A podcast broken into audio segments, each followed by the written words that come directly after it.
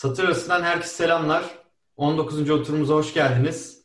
Ee, yine kısa bir aradan sonra tekrar buradayım ben, ee, Çağrı. Ee, Eren de yanımızda. Bu sefer Dilşat e, eksik üyemiz. Ee, Dilşat'ın biraz yoğunlukları var. Kendisi hem tam zamanlı çalışıyor, bir yandan da e, üniversiteye başladı. E, arkeoloji okuyor, bayağı iddialı. Kendi deyimiyle kazanması zor ama bitirmesi zor. Şey pardon, kazanması e, kolay girmesi kolay ama bitirmesi zor bir bölüme başladığını söylüyor. Ee, yani da... o, o cüsseyle neyi nasıl kazacak hiç bilmiyorum. Belini falan sakatladı. Aha işleri bence işte güzel şey olur. Fit, fit olmasından biraz şey olur. Yani. yani. Ne Allah zihin açıklığı versin. Dilşat e, başlıklı Dilşat olmak üzere tüm üniversite, lise okumakta ve daha düşük öğretim seviyelerinde okumakta olan öğrencilerimize Rabbim zihin açıklığı versin. Evet, başarılar dileriz, kolaylıklar.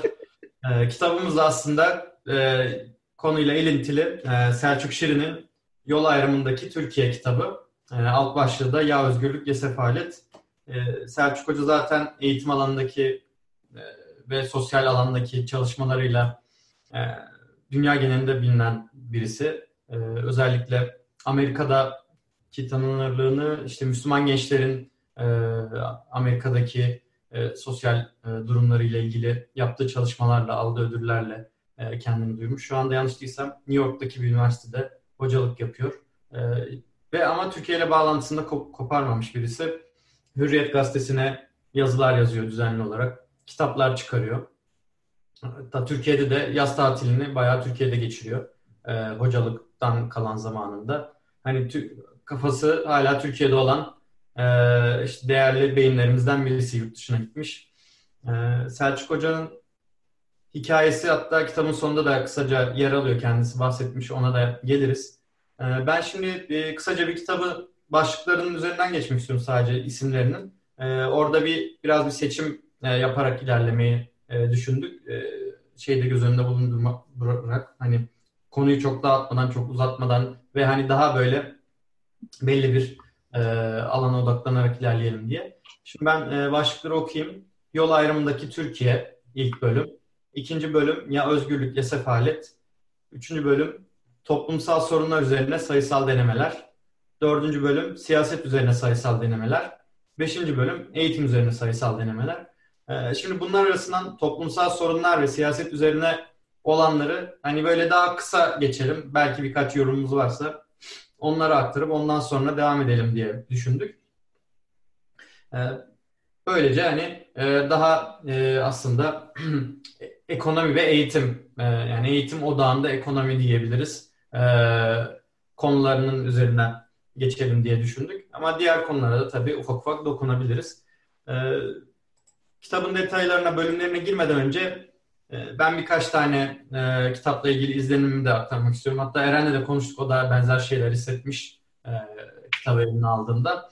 İlki e, buradaki yazıların e, büyük ihtimalle Selçuk Hoca'nın daha önce başka yerlerde yayınladığı işte Hürriyet Gazetesi olabilir. Başka internet sitelerinde olabilir. Bir başka gün vardı sanırım. Efendim? Bir, gün, bir gün gazetesi vardı. Evet, bir gün gazetesi de vardı. Birkaç herhalde online platformda da e, olabilir. E, yayınlanan yazıları var. E, onların derlemesi aslında e, belli başlıklar altına alınarak.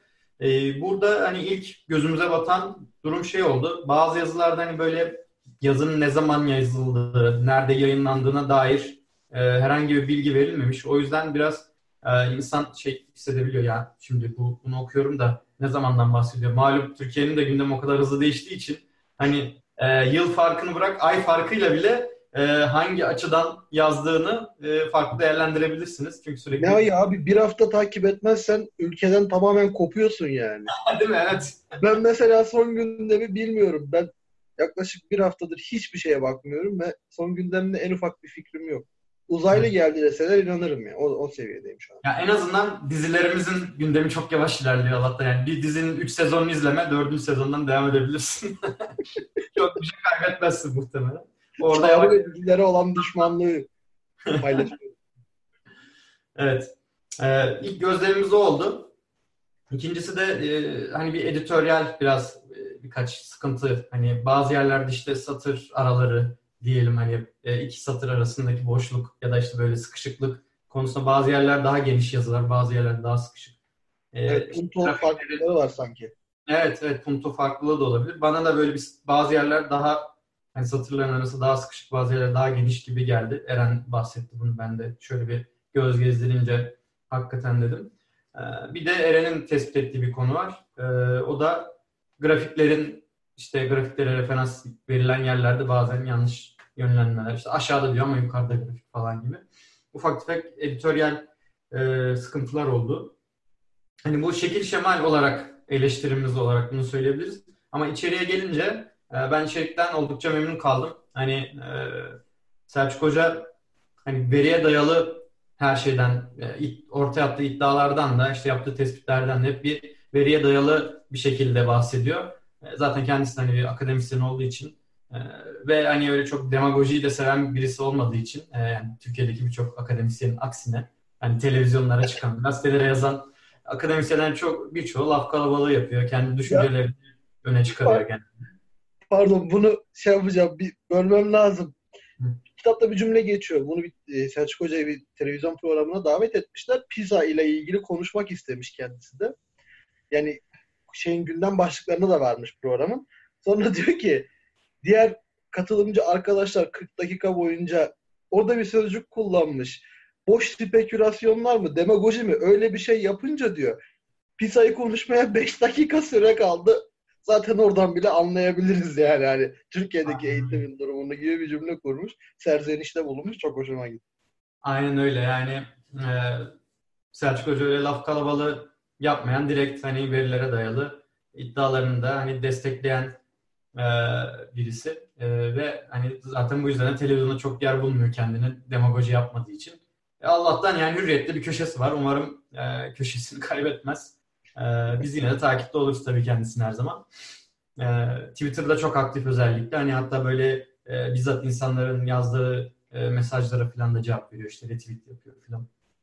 O açıdan da hani benim kendisi... Yazdığıma, benim yazdığıma cevap vermedi. Kırgınım burada. E, kendisine oturma davet ettim Twitter üzerinden. Mention atarak. Kendi hesabından yap, yapmıştın değil mi? Evet evet. Direkt mesaj almıyor anladığım kadarıyla hani böyle bir...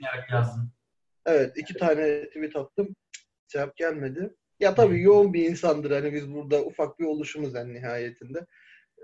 Gözden kaçmış olabilir ya da cevap vermeme, verme, vermek istememiş olabilir ya da bizi bir grup manyak zannetmiş olabilir. Hani halbuki ben yani diye şeyden dolayı uygun zaman olmadığı içindir diye tahmin yani, ediyorum.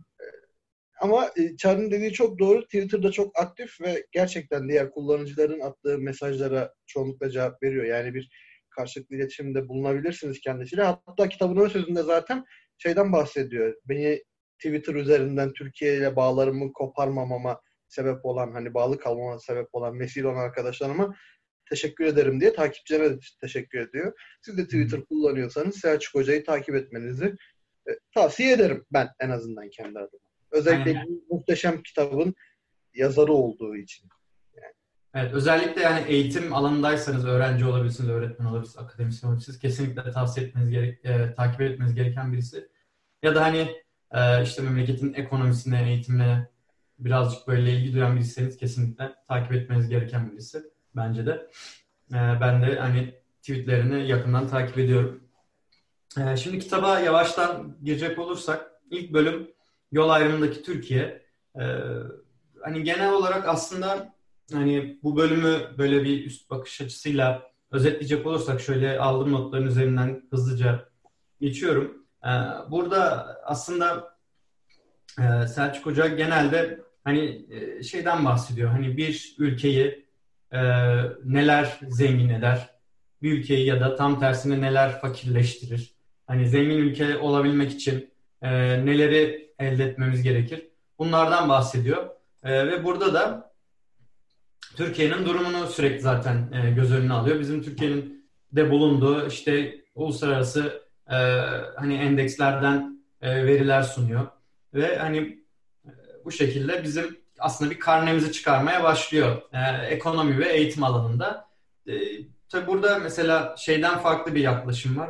Mesela Mahvi Hoca ekonomiyi direkt böyle ekonominin e, detayları üzerinden ekonominin işte aktörleri, işte piyasa koşulları, denetim falan yani bir sürü e, paydaşları açısından inceliyordu. Burada e, Selçuk Hoca eğitimi odağı alarak e, aslında işin kökünde eğitim olduğunu iddia ederek e, başlıyor. Tabii yine ekonominin yapı taşlarından özellikle en temel e, gerekliliklerinden hani bir iyi bir ekonomi, güçlü bir ekonomi olabilmenin temel gerekliliklerine de dokunduğu zamanlar var.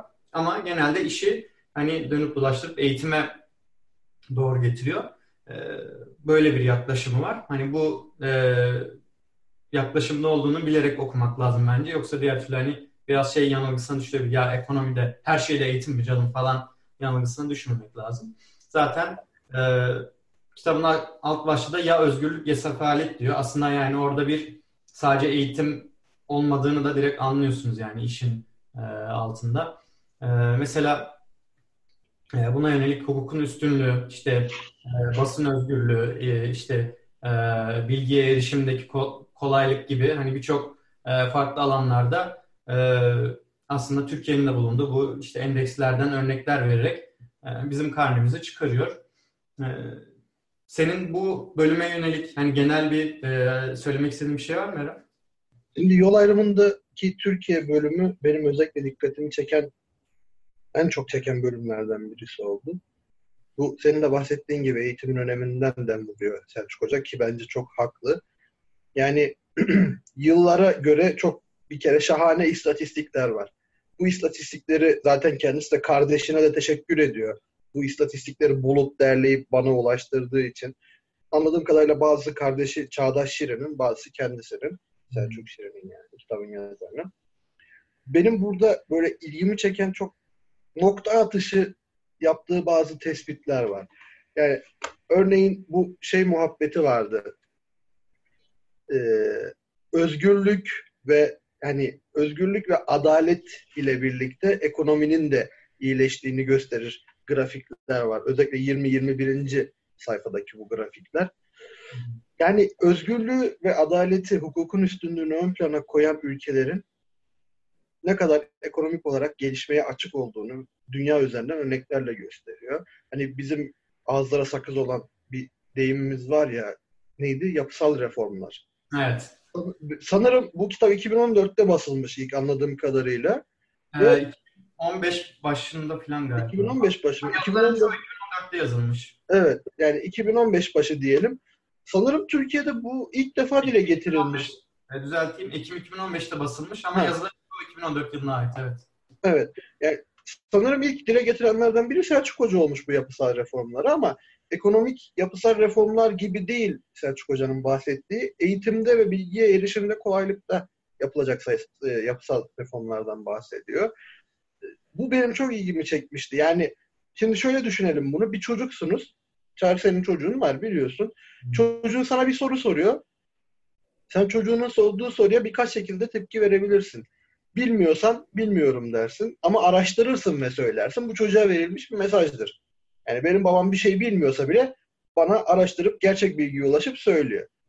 Sallarsın, kısa vadede inanır, uzun vadede yanlış olduğunu anlar ve hani bu davranışı örnek almaya başlar.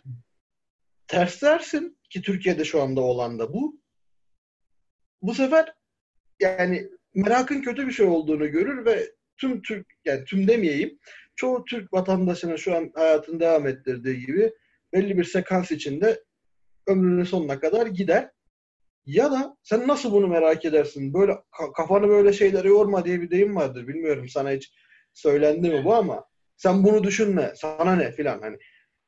Bu da komple her şeyi öldürür, öldürür, bitirir. Hani belki çocuğu terslersin, hırslanır. Öğreneceğim, hepsini öğreneceğim. Sana yedireceğim bu laflarını falan diye.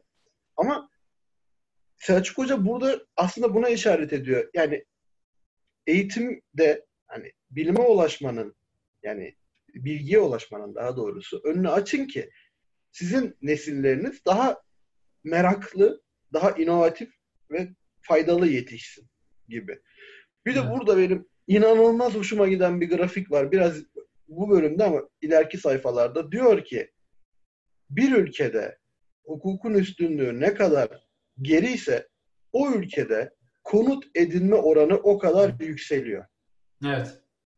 Abi bu muhteşem bir tespit. Yani bunun da grafiğini vermiş. Şimdi düşünebiliyor musunuz?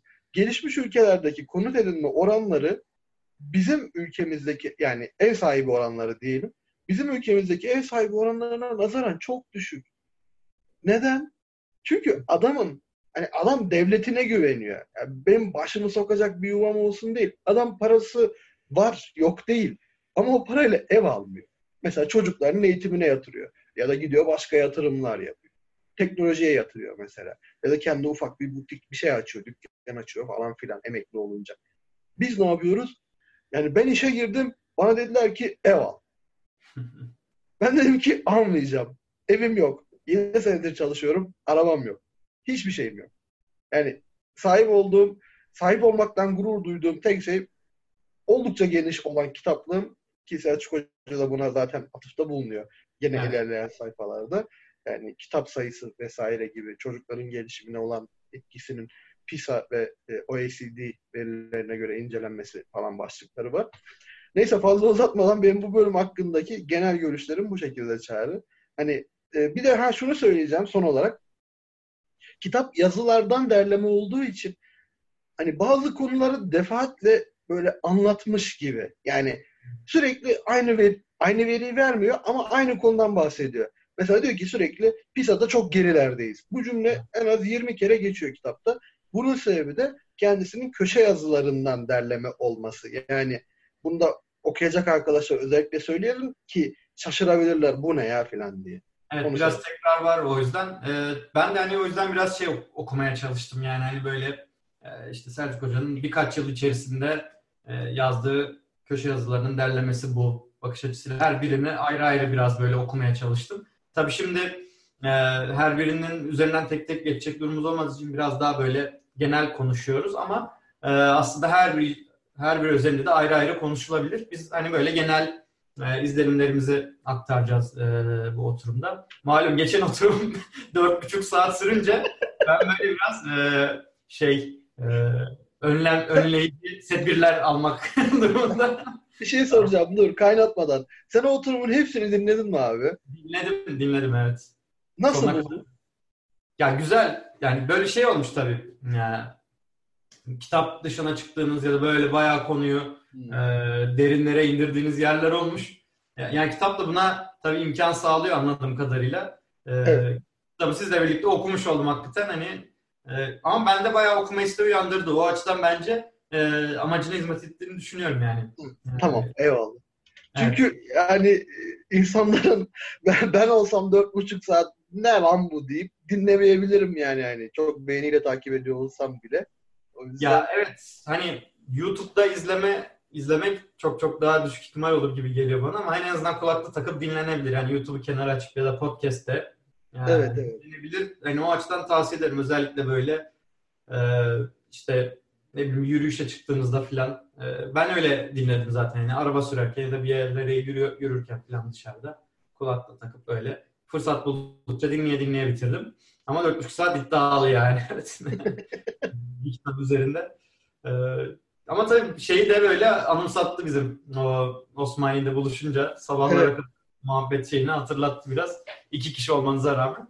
Güzel yani o açıdan ben, benim hoşuma gitti ama tabii biraz bireysel e, bağ mı var sonuçta direkt bu şeyin e, ekimin bir parçasıyım. Herkes belki aynı düşünmeyebilir. O açıdan da artık e, herkesin takdirine bırakıyoruz. Ben de şimdi bu ilk bölümü e, yol ayrımındaki Türkiye'nin alt başlıklarında aldığım notlara birazcık göz atıyorum şu an. E, bahsettiğin konulardan aynen Selçuk Hoca bahsediyor. Mesela işte yapısal reformun üç sac ayağını şöyle belirlemiş. Hukuk, eğitim ve özgürlükler. E, aslında baktığında gerçekten yapısal taşlar yani bunlar. Bir ülkenin sadece ekonomisini değil aslında toplumsal yapısını da e, büyük oranda etkileyen şeyler. Ve bunların sahiplenilmesi tabii yani. Mesela hukuk deyince o o kadar çok kanunumuz var ki herhalde bu OECD ülkeleri arasında en çok kanunu olan ülkelerden biri olabiliriz. Hani tam emin değilim rakamlardan. Ama o kadar çok kanunumuz var. Kanunlar birbiriyle böyle çelişebiliyor. İşte çünkü bir sürü mantıksal durumlar oluşabiliyor. Onun için düzeltme, ekler, yamalar ama günün sonunda kanunu o kadar da uygulayan da yok. Çok umursayan da yok. Hani böyle bir e, hani kanun koyarken batılıyız kanunu uygulamazken doğuluyuz gibi bir durumumuz var yani. Abi bu arada burada şöyle çok enteresan bir nokta söyleyeceğim. hukukçu arkadaşlar darılmasın, kırılmasın. Bana bu çok garip geldi. Bir normal vatandaş olarak hukuk eğitimi almamış olduğum için cehaletimse bunu mazur görsünler ama şimdi biliyorsun yargı sisteminde şöyle bir şey var. İşte e, ikiye ayrılıyor. İdari yargı ve adli yargı olarak. İdari yargı yani daha dalları var ama bizi ilgilendiren kısmından gideceğim. İdari yargı kamuyla ilgili olanlar. İşte sonrasında Danıştay'a kadar gidiyor. Tabii en üstte Anayasa Mahkemesi, onun üstünde insan hakları var da onları saymıyorum. Adli yargıda Yargıtay'a gidiyor. Tamam mı? Şimdi adli yargıda bir davamız var. Benim var, senin var. Aynı dava ya da benzer bir dava, bir suç atıyorum. Şimdi bu gidiyor istinaf, istinaftan geçiyor Yargıtay, Yargıtay'dan sonra şimdi iki farklı davada iki farklı karar vermiş olabiliyor Yargıtay. Tamam mı? Hı. İki tane içtihat oluşuyor bununla ilgili. Hatta yani bazı durumlarda çok fazla içtihatlar oluşabiliyor. Yargıtay'ın bünyesinde bununla ilgili içtihatlar dairesi varmış abi. İçtihatlar birimi. Yani oturuyorlar gerçekten benzer davalardaki farklı yargıtay kararlarını tartışarak bir bünyede birleştirip içtihat oluşturuyorlar. Ortak bir içtihat oluşturuyorlar bir anda. Tabii hukuk bilmi bilmiyorum ama bana düz mantıklı bir insan olarak çok garip geldi. Evet. Dedin ya çok kanunumuz var diye. Belki de bundan kaynaklanıyor. Bilemiyorum. Yorum olarak söylüyorum. Aynen yani bu biraz da işte tabii yargıçların e, kişisel kararları konusu var ama yani şey uygulamada da sıkıntılarımız var. Birçok konuda da bence sıkıntılarımız var. E, zaman zaman bazı şeyler gevşetiliyor, bazı şeyler sıkılaştırıyor. Yani bunda da Türkiye'nin e, gündeminin, kamuoyunun o anki halinin bile çok etkisi oluyor. Yani e, aynı hakim, aynı davaya bugün bir karar ver diyelim. Aynı hakim, aynı yar, davaya iki yıl sonra al bambaşka bir karar verebilir. Yani şu an normalde böyle olmaması lazım. Ama e, öyle bir durumumuz var maalesef. Birçok şeyden etkileniyor. Bence öyle çok girmeyelim. ben bununla ilgili mesela veriye dayalılıkla ilgili e, enteresan bir şey e, bilgi aktarayım. Hazır böyle e, hukuka birazcık dokunmuşken. Bu bahsettiğin şeye yol açıyor aslında. E, Türkiye'deki hukuk sisteminin en büyük kanayan yaralarından birisi e, dava kapanma sürelerinin inanılmaz uzun olması. Yani evet. böyle basit bir dava bile aylar, yıllar sürebiliyor. Yani sürekli ertele, ertele, ertele. Hani böyle takipsizliğe kadar falan bile gidebiliyor. E, bununla ilgili ben mesela bir tane bir çok ünlü bir bizim e, veri bilimi alanında çok ünlü bir şey var. Makale. E, adı şey e, Statistical Modeling the Two Cultures. İstatistikten modelleme iki farklı kültür diye geçiyor. Hani onun makalenin detayına girmeyeceğim de orada bir şeyden bahsediyordum. E, şimdi yıllarını tam hatırlamıyorum ama sanırım 1950'ler, 60'lar ya da 70'ler yani bundan 50-60 yıl önce filan en azından Amerika'da e, insanlar, istatistikçiler, e, istatistik araştırmacılar, işte bilimcileri şeye kafa yoruyorlar. Amerika'daki hukuk sisteminin belli bir eyaletteki o da yani böyle tüm hukuk sistemi Belli bir eyaletteki hukuk sistemini biz nasıl düzeltebiliriz? Hani buna kafa yoruyorlar. Yani veriler topluyorlar işte hakimlerin karşısına çıkıp diyorlar ki işte biz sizin verinizi topladık, inceledik ve hani bunun sonucunda şöyle değil de böyle yapsanız düşün ki Amerikan yargıcı o zaman yani inanılmaz güçlü. Hani sen onun karşısına böyle e, uyduruk bir istatistikçi olarak çıkıp da ve ahkam kesiyorsun yani düşün. Ee, bayağı uç bir nokta ama e, o zaman bile yargıçlar işte çalışmaya katılmaya gönüllü oluyorlar. işte verileri sunuyorlar. Hani orada aslında yargıçların e, uyguladığı karar verme süreçleri işte ve uyguladıkları işte prosedürler, e, bürokrasi falan e, inceleniyor.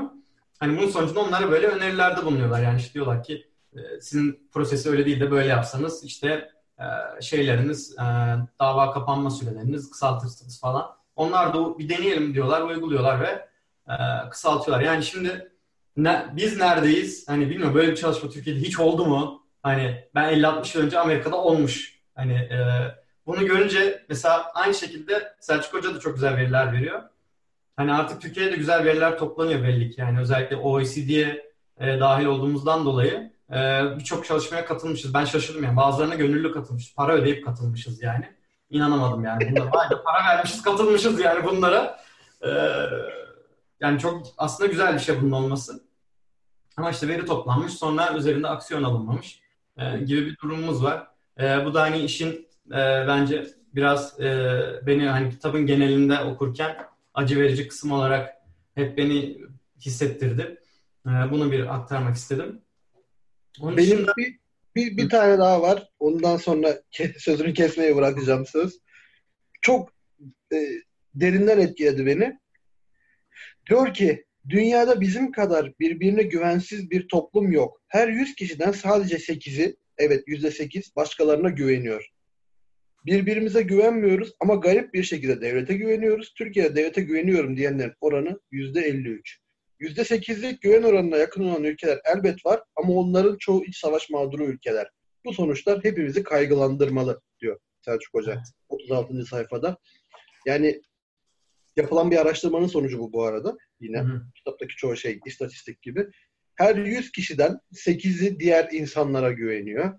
Bu da aslında yani yorumsuz bırakayım burayı.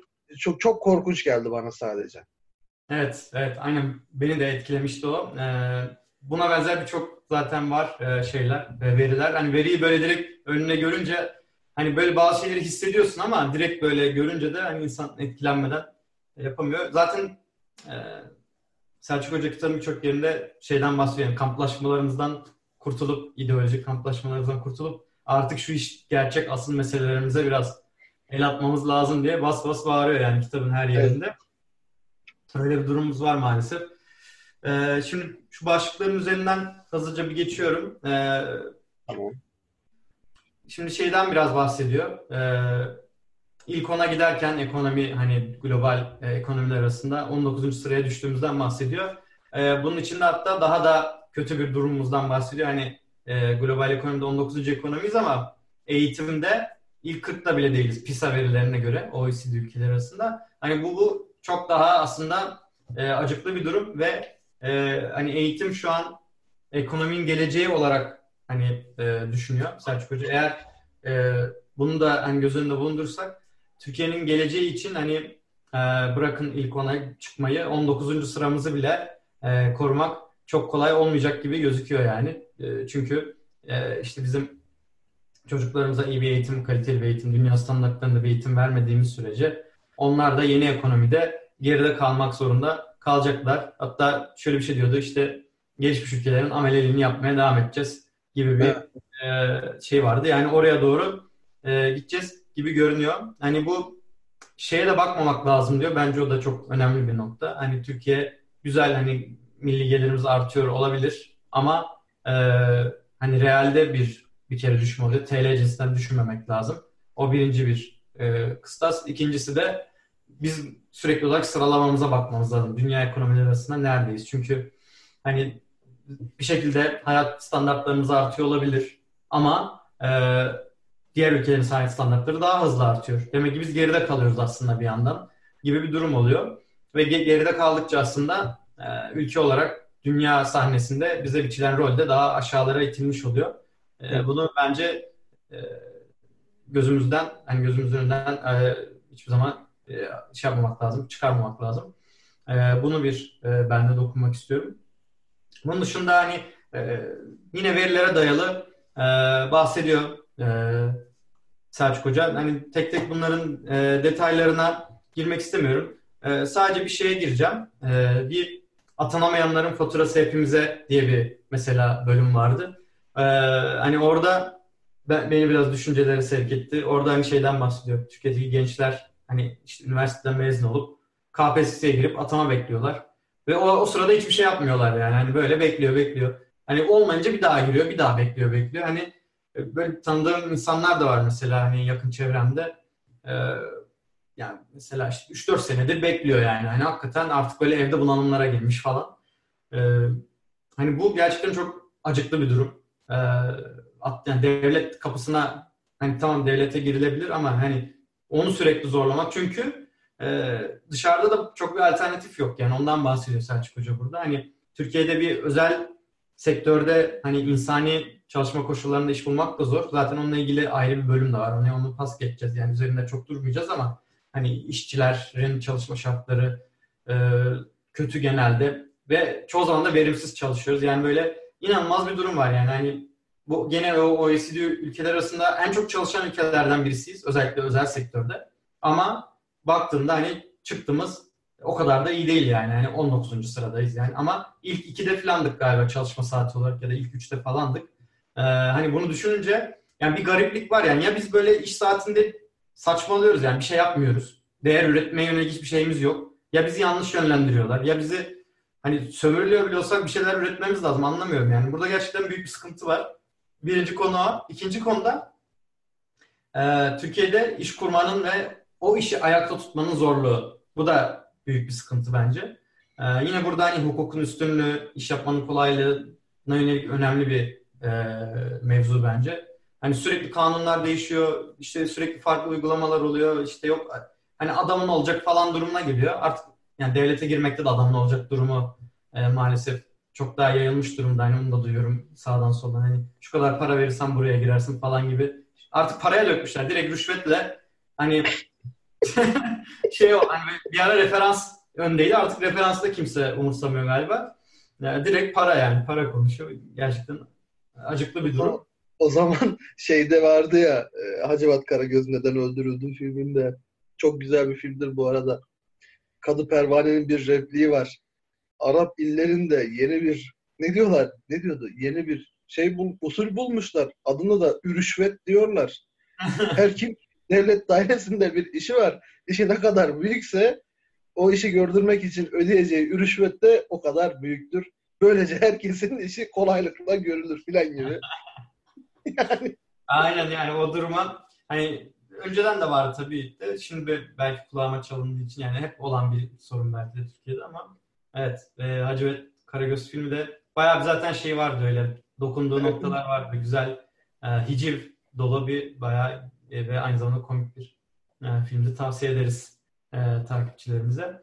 Buna, buna bir dokunmak istedim. Hani bu iş kurma zorluğu olayı bana özellikle çok enteresan geldi. Hani bu e, şöyle hemen okuyorum. Dünya Bankası'nın açıkladığı iş kolaylığı endeksine göre Türkiye yeni iş kurma kolaylığında 79. sırada. Ya buna ben inanamadım gerçekten. Hani biz böyle yok Türklerin ticari zekası vardır. İşte biz ticaret toplumuyuz işte yok İpek yolu, baharat yolu falan. Yani nasıl 79. sıradayız? Buna hakikaten akıl sıra erdiremedim ben yani. Nasıl bir bürokrasimiz var? Nasıl bir her yere işte böyle engeller koyduysak 79. sırada geliyoruz. Yani hani bir şirket kurup, bir iş kurup onu sürdürebilme konusunda 79. sırada. Yani bu gerçekten yine benim böyle çok şaşırdığım e, şeylerden biri oldu. E, Burada şey olabilir mi? Az önce benim söylediğim her 100 kişiden 8'i birbirine güveniyor ya.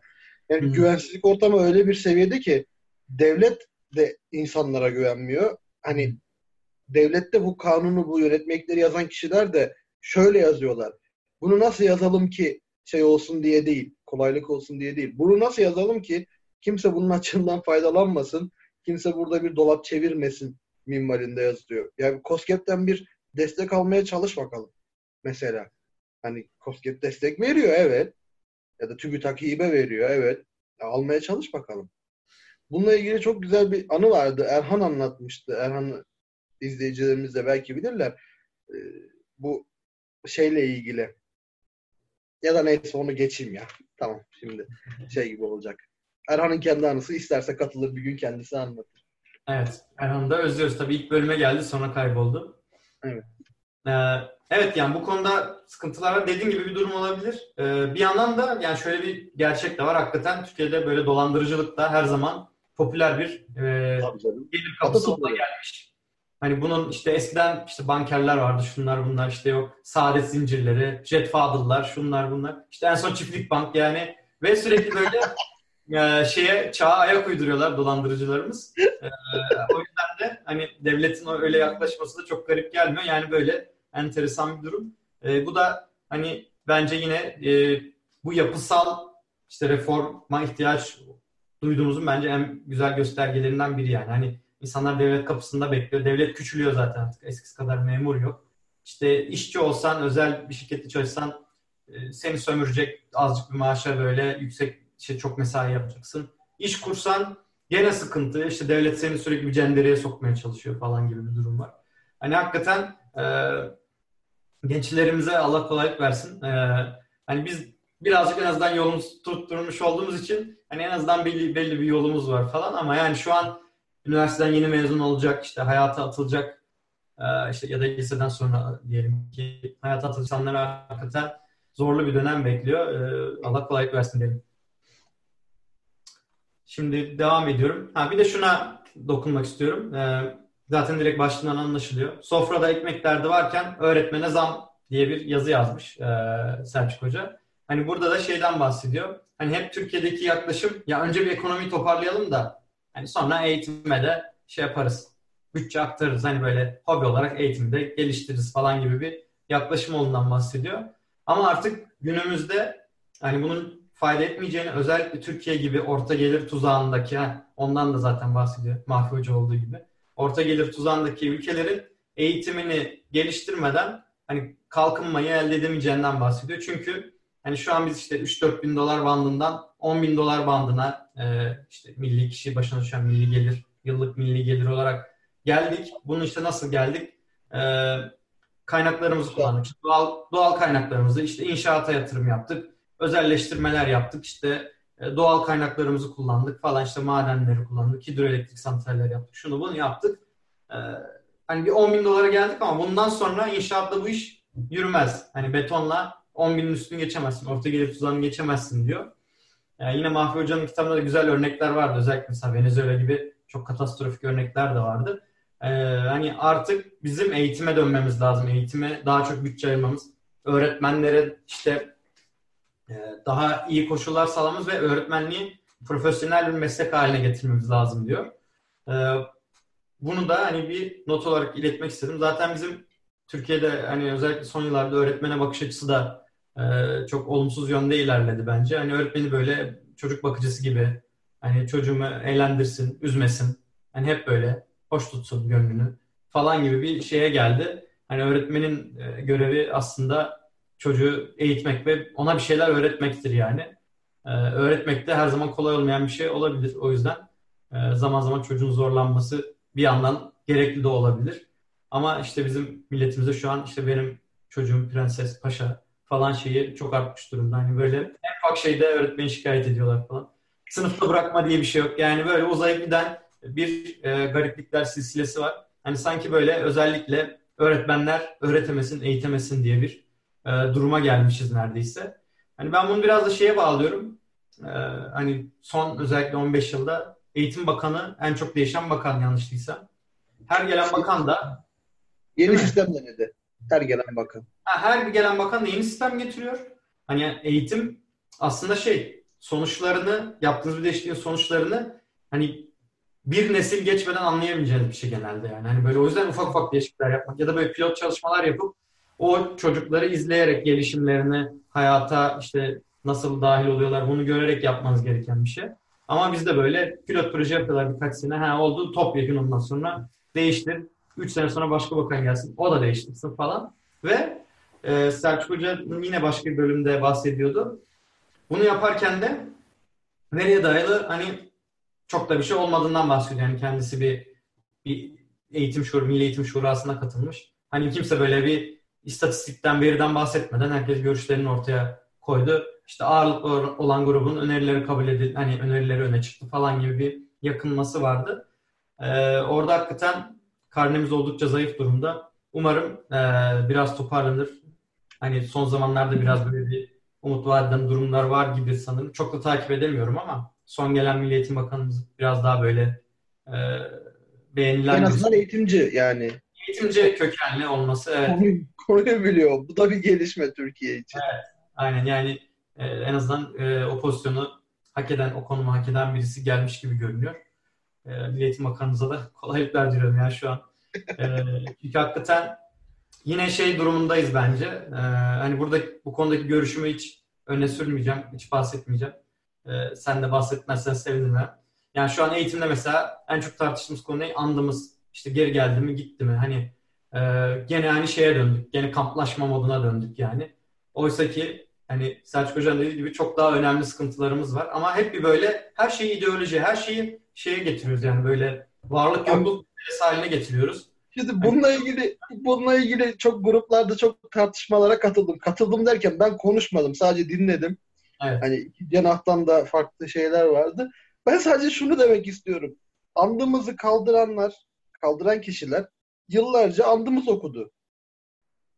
Hani demek ki yani şimdi ironiyi görebiliyor musun? Yani e, demek ki andımız zaten istediği şeyleri insanlara verememiş. Yani her sabah onu tekrar ettirmekle e, bir şey kazanılmaz. Ben kaldırırsın kaldırmasın demiyorum. Açık söyleyeyim ikisi de benim için aynı. Yani karışmıyorum. Ama hani bir insan eğer belli başlı değerleri vermek istiyorsan bu Selçuk Hoca'nın dediği gibi analitik düşünmeyle, sorgulamayla, eğitimle ve ona bir fikir vermeyle olur gibi geliyor bana. Evet. Bu da metottur. Yani bilmiyorum hepsi. Eğitimci de değilim sonuçta. Çok zor abi bilmediğin konuda konuşmak ya yani. evet, yani, ama. Bunda Öyle hiçbir... ufak dokunup geçelim bence. Yani bu konular hakikaten yani şey asıl konuya mevzuya o yüzden bir türlü gelemiyoruz. Hep böyle demagojik ve hani çok böyle temel ya hala Türkiye aslında tabii genç bir cumhuriyet, genç bir ülke olarak düşünebiliriz ama hala daha böyle hala temel konularını tartışmaktan, yani temel konular dedim hani işte anayasa konuşup duruyoruz mesela hala. Yani bu da anayasaya gidebiliyor falan böyle. Yani bunları konuşmaktan şeye hani biz insanlarımızın refahını nasıl arttırırız, daha nasıl huzurlu mutlu yaşatırız konusuna bir türlü gelemiyoruz. Ee, bu da gerçekten enteresan bir durum. Ee, bu burayı böyle pas geçeyim. Bizde yaşamak önemli değil abi. Nasıl yaşadığın önemli. Yani devlet senin yaşamanı yaşaman derken hani istediğin gibi yaşamanı önemsemiyor. Hangi görüşten olursan ol. Belli bir çerçeve var. O çerçeveye göre yaşamanı istiyor ve onu düşünmeni istiyor. Zaten temel problem de bu bak. Mesela Selçuk Hoca'yı ben şimdi eleştireceğim. İkinci bölüme de biraz geçeyim eğer senin için. Geçebilir. Ben de geçecektim zaten. Ha. Bizden bir WhatsApp çıkar mı diye bir başlık var. Evet. Ee, üst başlık ya özgürlük ya sefalet onun altında. Hı. Şimdi bizden bir WhatsApp çıkar mı diye bir başlık var. Onun yanında işte yerli otomobile değiniyor. Mesela evet. o konulara da değiniyor. Hı. Ben burada Selçuk Hoca'yı eleştireceğim. Niye evet. eleştireceğim? Şöyle abi. Bu işte bizim bireylere zerk ettiğimiz bu düşünce sistemi yanlış. Neden yanlış? Şimdi adam diyor ki bizden bir WhatsApp çıkar mı? Abi neden WhatsApp'ı düşünüyorsun? Ya da arabalardan bahsederken, milli otomobilden bahsederken diyor ki Ford'u boş verin diyor. Yani eski nesil petrolle çalışan arabalardan vazgeçin. Tesla'yı örnek alın. Yeni Tesla üretin diyor. Çünkü diyor şeyden geçti. Hani teknoloji eski araçları geride bıraktı. Şimdi diyor Tesla'nın zamanı. İyi de abi sen bunu yapmaya başladığın zaman zaten Tesla'nın zamanı da geçecek sen bunu yapana kadar. Anlatabiliyor muyum? Öyle bir şey yap ki WhatsApp'ı da geçsin, Tesla'yı da geçsin. Yani değil kutunun dışı, evrenin dışına çık ve düşün. Bir birey olarak. Ben ne yapayım ki? Hani kendim için, ülkem için ya da artık neyi önemsiyorsam çok faydalı olabileyim. Evet yani bence bu biraz şeyden de kaynaklanıyor. Şimdi bunlar gazete köşe yazısı olduğu için mesela Tesla konusundan bahsedecek olursak bir ara yerli ve milli otomobil çok gündemdeydi. Ee, evet. Öyle olunca da hani e, böyle bir şeyle öne çıkmış e, Selçuk Hoca ama ben de benzer şeyleri düşündüm. Mesela hatta böyle kendime de notlar al, almışım. E, yani e, oradaki yaklaşım hani dediğim gibi özellikle otomotiv sektörü inanılmaz yatırımlar ve ön bir sürü böyle onun alt sektörlerini gerektiren ve hani yüzde yüz yerli milliğinin de aslında yapmanın da çok belki de beyhude bir uğraş olacağı. Tabii anlamı yok zaten. Evet yani, yani orada e, ben de sana katılıyorum. E, ama mesela WhatsApp örneği de ben öyle bir çok bir şey olmadım. İrit olmadım ya çünkü örnek olarak vermiş. Hani WhatsApp gibi işte inovatif girişimler nasıl kurarız? Hani WhatsApp örnek almaktan ziyade onu biraz e, öne çıkarmış. Hatta orada da işte özgürlükten çıkara getiriyor konuyu. Zaten Tabii. işte Hı-hı. Mesela pardon orada Finlandiya örneğini vermiş. 90'lı yıllara kadar Finlandiya'nın ekonomisinin ne kadar kötü durumda olduğundan bahsetmiş. İşte işsizlik %20'lere dayanmış. Ekonomi her yıl %10 küçülüyor falan. Ee, şey diyor Finlandiya'nın seçilmiş en genç başbakanı olan ismini de yazmış da onu şimdi unuttum. Krizi fırsata çevirdi diyor. Ne yapmış? İşte tüm bakanlıkların bütçelerini kesiyor yeni başbakan. Genç bir adam. Ve her şeyi ARGE'ye, eğitime yatırıyor. Evet. Şimdi neye dönüştü abi bu? Finlandiya eğitimde dünya lideri.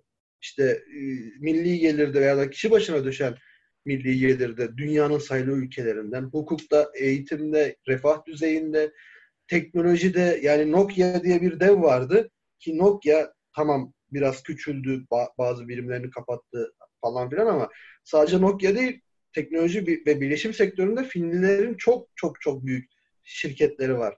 Belki evet, adlarını duymak... Neredeyse hiç olmayan bir ülkeden bahsediyoruz. Yani. Evet evet. Yani Türkiye'den daha az doğal kaynağı var.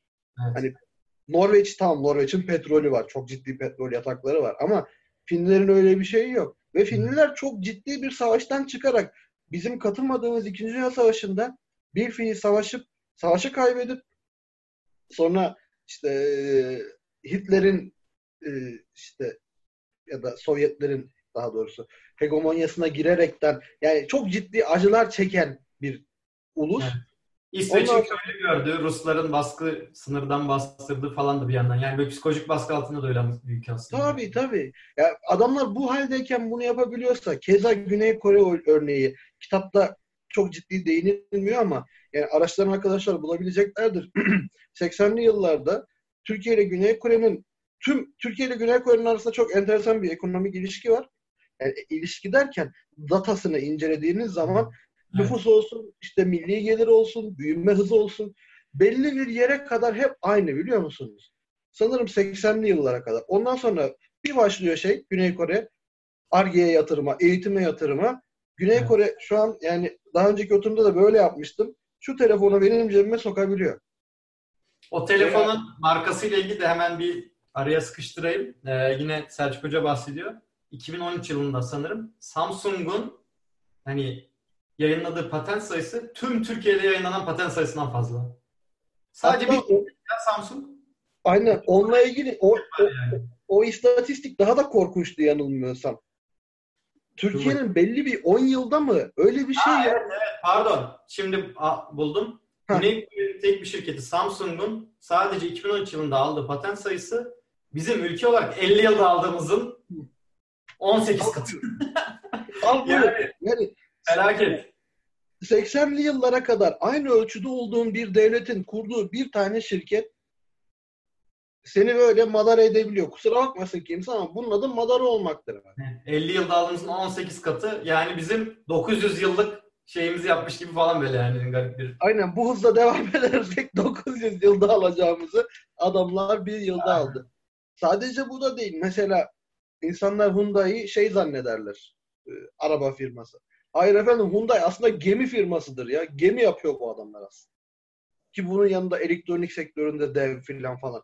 Ya bunun gibi bir sürü bir sürü firması var ve Kore'nin hani hem eğitim hem refah düzeyi hele hele yanın başında Kuzey Kore gibi bir çılgının yönettiği ülke varken bu hale gelebilmek kusura bakmayın bizim Orta Doğu'ya komşu olmamız bizim bahanemiz değil. Adamların komşusunun nükleer silahı var ve sıkarım ha diyor. Evet. Yani Şener Şen'in vallahi evet. satarım köyü ha deyişi gibi. Yani şimdi. Bence burada ya şey kültürel bence yani iş kültüre geliyor. Mesela Selçuk Hoca da bahsediyor birçok bölümde hani iğneyi kendimize batırmamız lazım. Ya o konuda çok zayıfız ee, ve hep dışarıya çuvaldız batırma merakındayız yani. Başkasına çuvaldız batırma merakındayız. Yani buradan başkasından hani başka ülkelerden kastediyorum.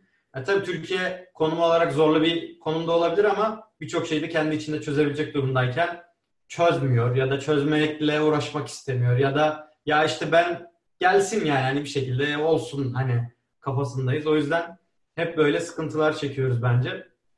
Bu bence bu örnekler Güney Kore olsun, Finlandiya olsun hani zorlu durumlardan e, kendi kaynaklarıyla, kendi sistemleriyle bir şekilde çıkabilmiş ülkeler olması açısından bence bizim örnek almamız gereken e, bir şekilde yakalamamız gereken ülkeler. Bunu yaparken de tabii ki hani senin de dediğin gibi bir sonrakine artık atıyorum işte e, Endüstri 4.0 konuşuluyor. Yani dördüncü sanayi devrimi. Biz Endüstri 4.0'ı yakalayıp onun öncüsü olmamız lazım yani şu evet, an. Ya be, ha, e, hatta şu an 5-0 konuşulmaya başlandı. Bizim belki şimdiden 5-0'a çalışmamız lazım. Evet. Anlatabiliyor muyum? Yani çünkü o treni yakalayamazsın.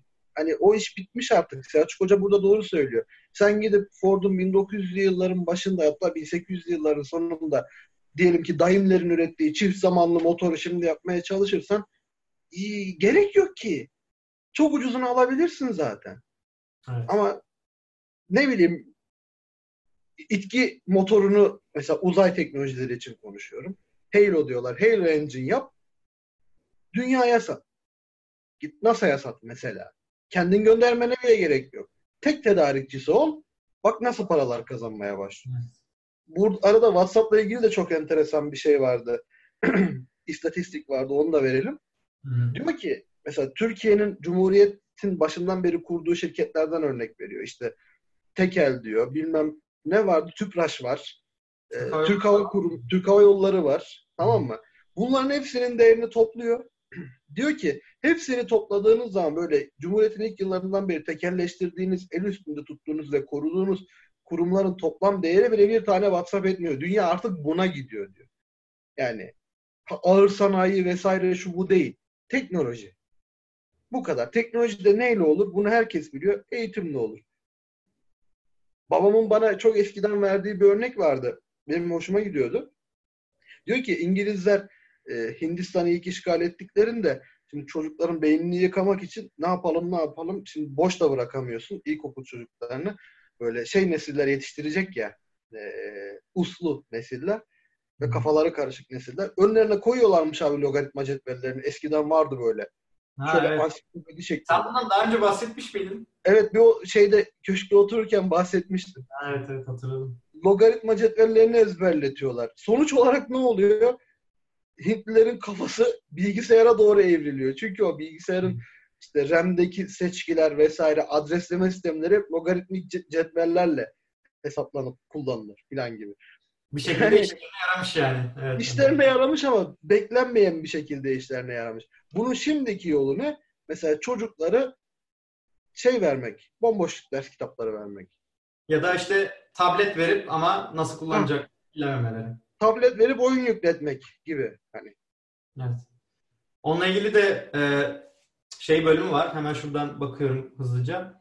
Ee, ha bu daha ileride gerçi ona daha sonra gelin. Bu eğitim üzerine sayısal denemelerde bahsediyor ondan. Evet. Anladım evet. neyden bahsettiğini. Evet evet. Bilgisayarın katkısı. Projesi, işte her derde deva olmayacak diyor. Oraya daha sonra geliriz. Ee, şimdi bu ya özgürlük ya sefalet bölümünün alt başlıklarından devam ediyoruz aslında. İşte WhatsApp'tan bahsettik. Tesla, Ford e, ayrımından bahsettik. İşte Güney Kore örneği zaten hep önümüze çıkıyor.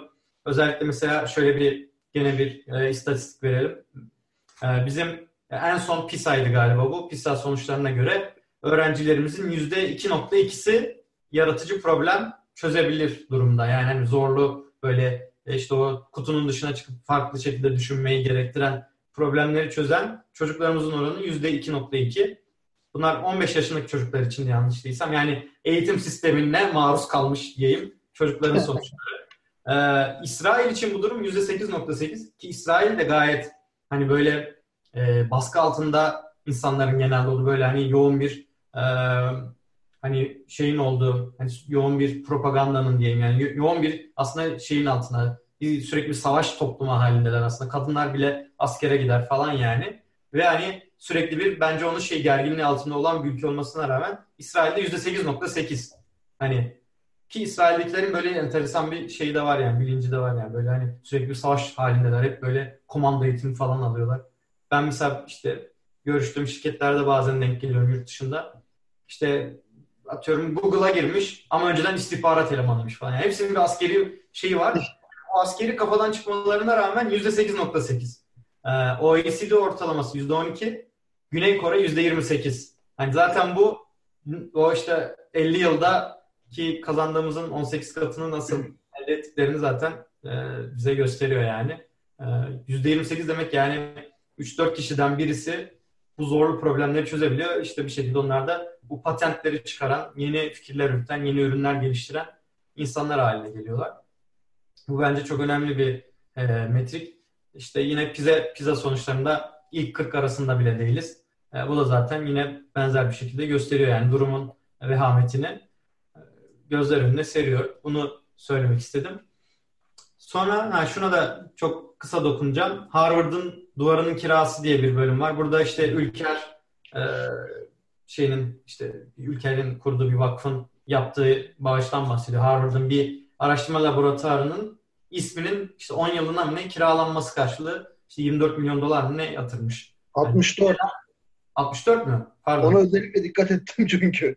64 milyon dolar yani Türkiye'deki insanların yediği bisküvinin, çikolatanın hani parasından elde edilen gelir 64 milyon doları Amerika'daki bir duvara çakılsın diye hani konuyor. Neden? Prestij. Hani bunu düşün. Türkiye'de neden yapmıyor? Çünkü Türkiye'de ki üniversitelerin özgürlüğü yok. işte bütçesi yok. Zaten Harvard'ın aldığı bağışlar YÖK'ün bütçesinden denkmiş yani düşün. YÖK'ü düşün. 85 80 küsur milyonluk bir ülkenin tüm üniversite yüksek öğretimini finanse eden, hani özelleri saymıyorum, finanse eden bir kurum. Harvard ise Amerika'nın hani 51 eyaletindeki bir sürü yüzlerce üniversiteden birisi tabii ki en ünlülerden birisi ama tek bir üniversite. Ve şeyden de bahsediyor. Harvard böyle her önüne gelenin bağışını da kabul etmiyormuş yani. Atıyorum sen böyle mafyatik bir tip böyle hani ya da işte e, müteahhit, Karadenizli müteahhit gitti almıyor seni yani. Yürü git diyor. Seninle işim olmaz diyor.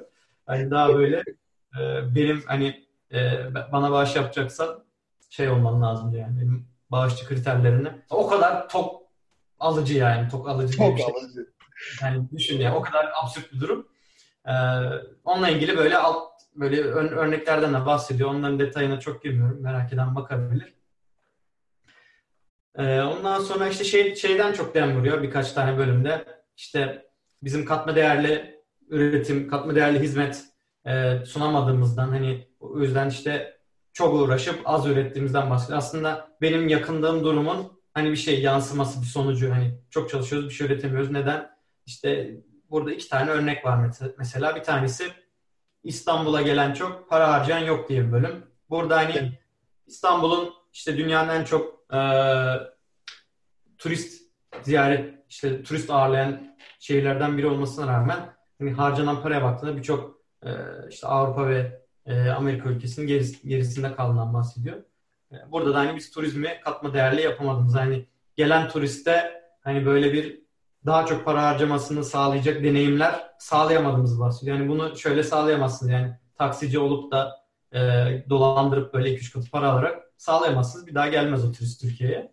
E, bir kerelik işte biz hep böyle hızlı fırsatlar peşinde olunca e, olmuyor maalesef. Ve hani bunun yanında iyi düşünülmüş işte daha böyle doğa ve tarih dostu e, turizmi elde edebilmemiz için de bizim bu betona dayalı, inşaata dayalı kalkınma modelini bırakmamız gerektiğinden bahsediyor. Çünkü bu ister istemez işte bizim tarihi dokumuza, işte kültürel varlıklarımıza, işte doğa doğal kaynaklarımıza, doğal işte güzelliklerimize falan zarar verdiğinden bahsediyor. Yani bu sayede hani doğa ve tarih dostu bir turizmde e, geliştirmemiz gerektiğini, hani bu yüzden de bu kalkınma modelini bırakmamız gerektiğinden bahsediyor. İkinci bölümde fındık hani ürün çok, marka yok diyor. Burada da hani Ferrero'nun Türkiye'de işte aldığı şirketten bahsediyor. Ee, şöyle enteresan bir veri var. Onu da hemen söyleyeyim. Ferrero da bir İtalyan e, şirketi. Nutella işte mar- en ünlü markası Nutella e, biliyorsunuzdur. Reklamları da Türkiye'de bol bol yayınlanıyor. Hani e, iyi, biz de güzel afiyetle yediğimiz bir ürün. Ferrero'nun şimdi e, Türkiye en büyük e, ham madde fındık e, sağlayıcılarından birisi. Dünyanın da zaten. %85 dünyanın. Evet, %85. Şimdi 22 bin Ferrero işçisi 3,5 milyon üreticimizden 3 kat fazla değer yaratıyor. Yani o işçilerin durumu da muhtemelen bu 3,5 milyon üreticimizden baya baya iyi yani. Hani güzel güzel işte çalışıyorlar, yıllık izinleri var. İşte ne bileyim emeklilik şeyleri kenarda birikiyor falan. Hani böyle güzel hayatlar yaşıyorlar. Belki böyle babadan oğula aktardıkları güzel miraslar var falan.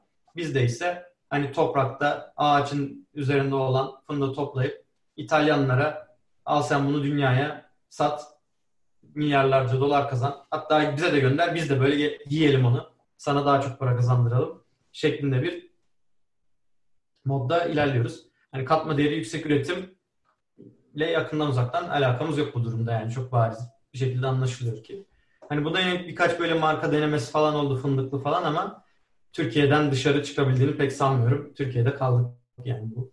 Ee, kendi kendi toprağımızda yetişen ürünü bile hani dünyaya böyle birazcık bir paketleyeyim de işte bir şeye dönüştüreyim satayım konusunda bile sıkıntılar yaşıyoruz maalesef.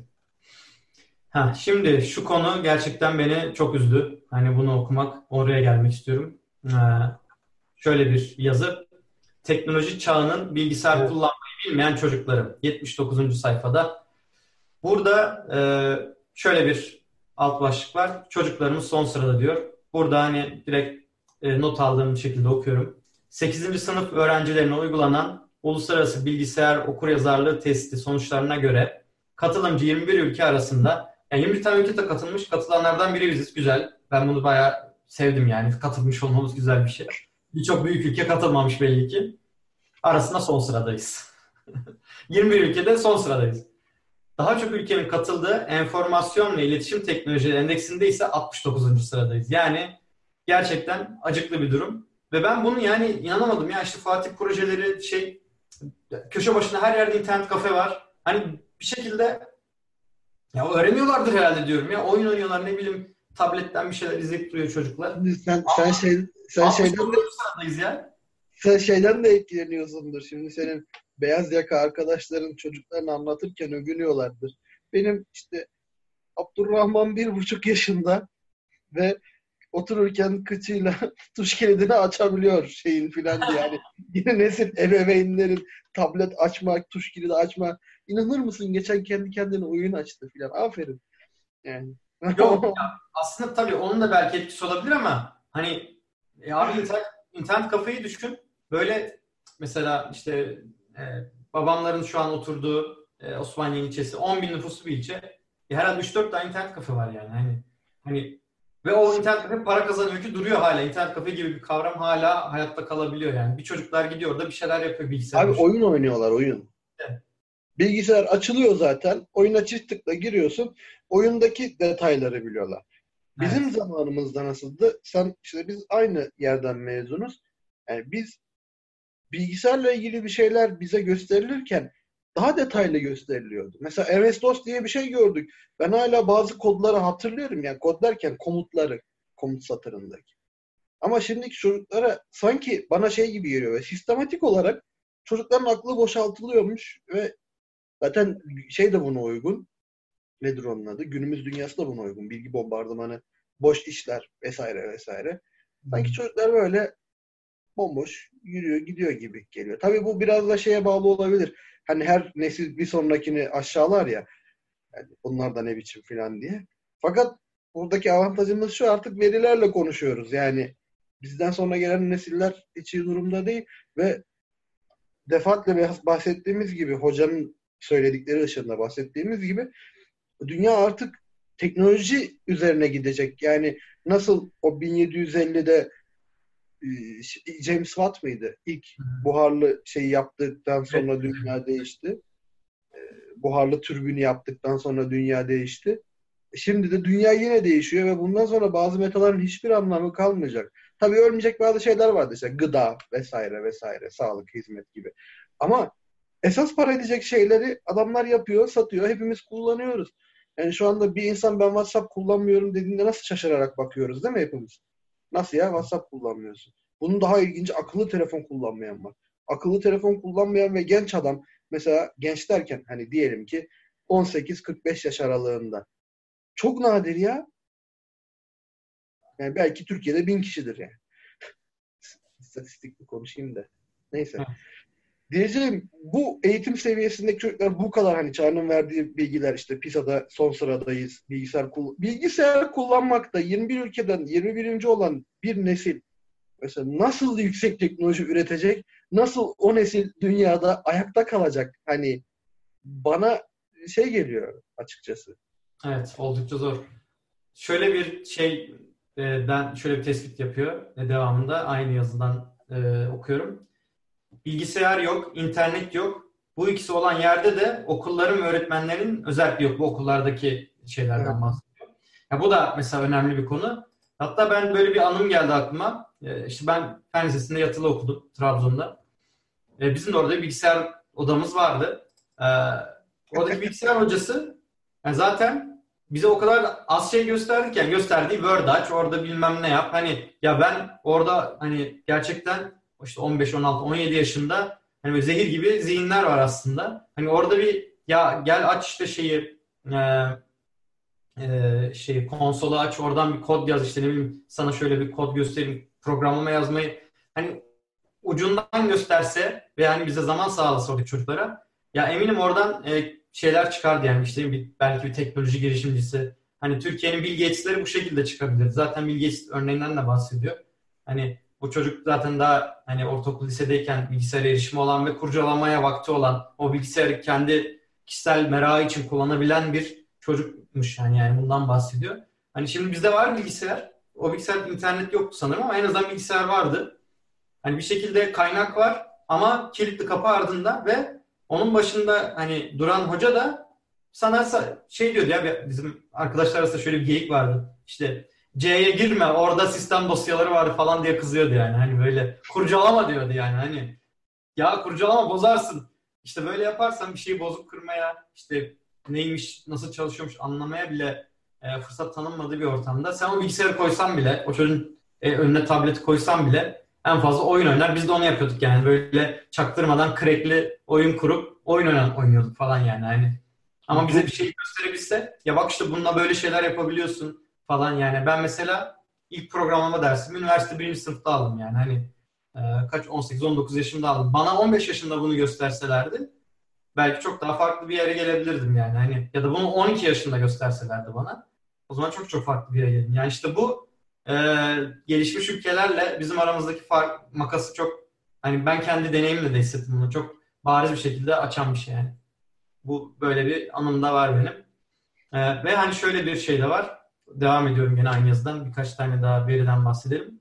Bizde 80 öğrenciden sadece bir kişisel bilgisayara sahip. Yani kırıp dökebileceği, bozabileceği, olur da merakını cezbederse e, kurcalayabileceği hani 80 çocuktan birinin bilgisayarı var. Gerçekten bu acıklı bir durum. Çünkü internet kafede de birçok şeye erişim kısıtlı. Yani gidip doğru bir kod bile çalıştıramazsın muhtemelen. Çünkü birçok şeye izin vermiyor. Sadece dediğim gibi tüketime yönelik. Oyun oyna, film izle, bilmem YouTube'a gir falan filan. Yani tüket tüket tüket üzerine olan bir yer. Gidip de orada ben hani e, böyle bir şeyler e, kırıp dökeyim, bir şeyler geliştireyim e, deme imkanı çok çok düşük yani orada internet kafelerinde hani öyle bir şey var zaten.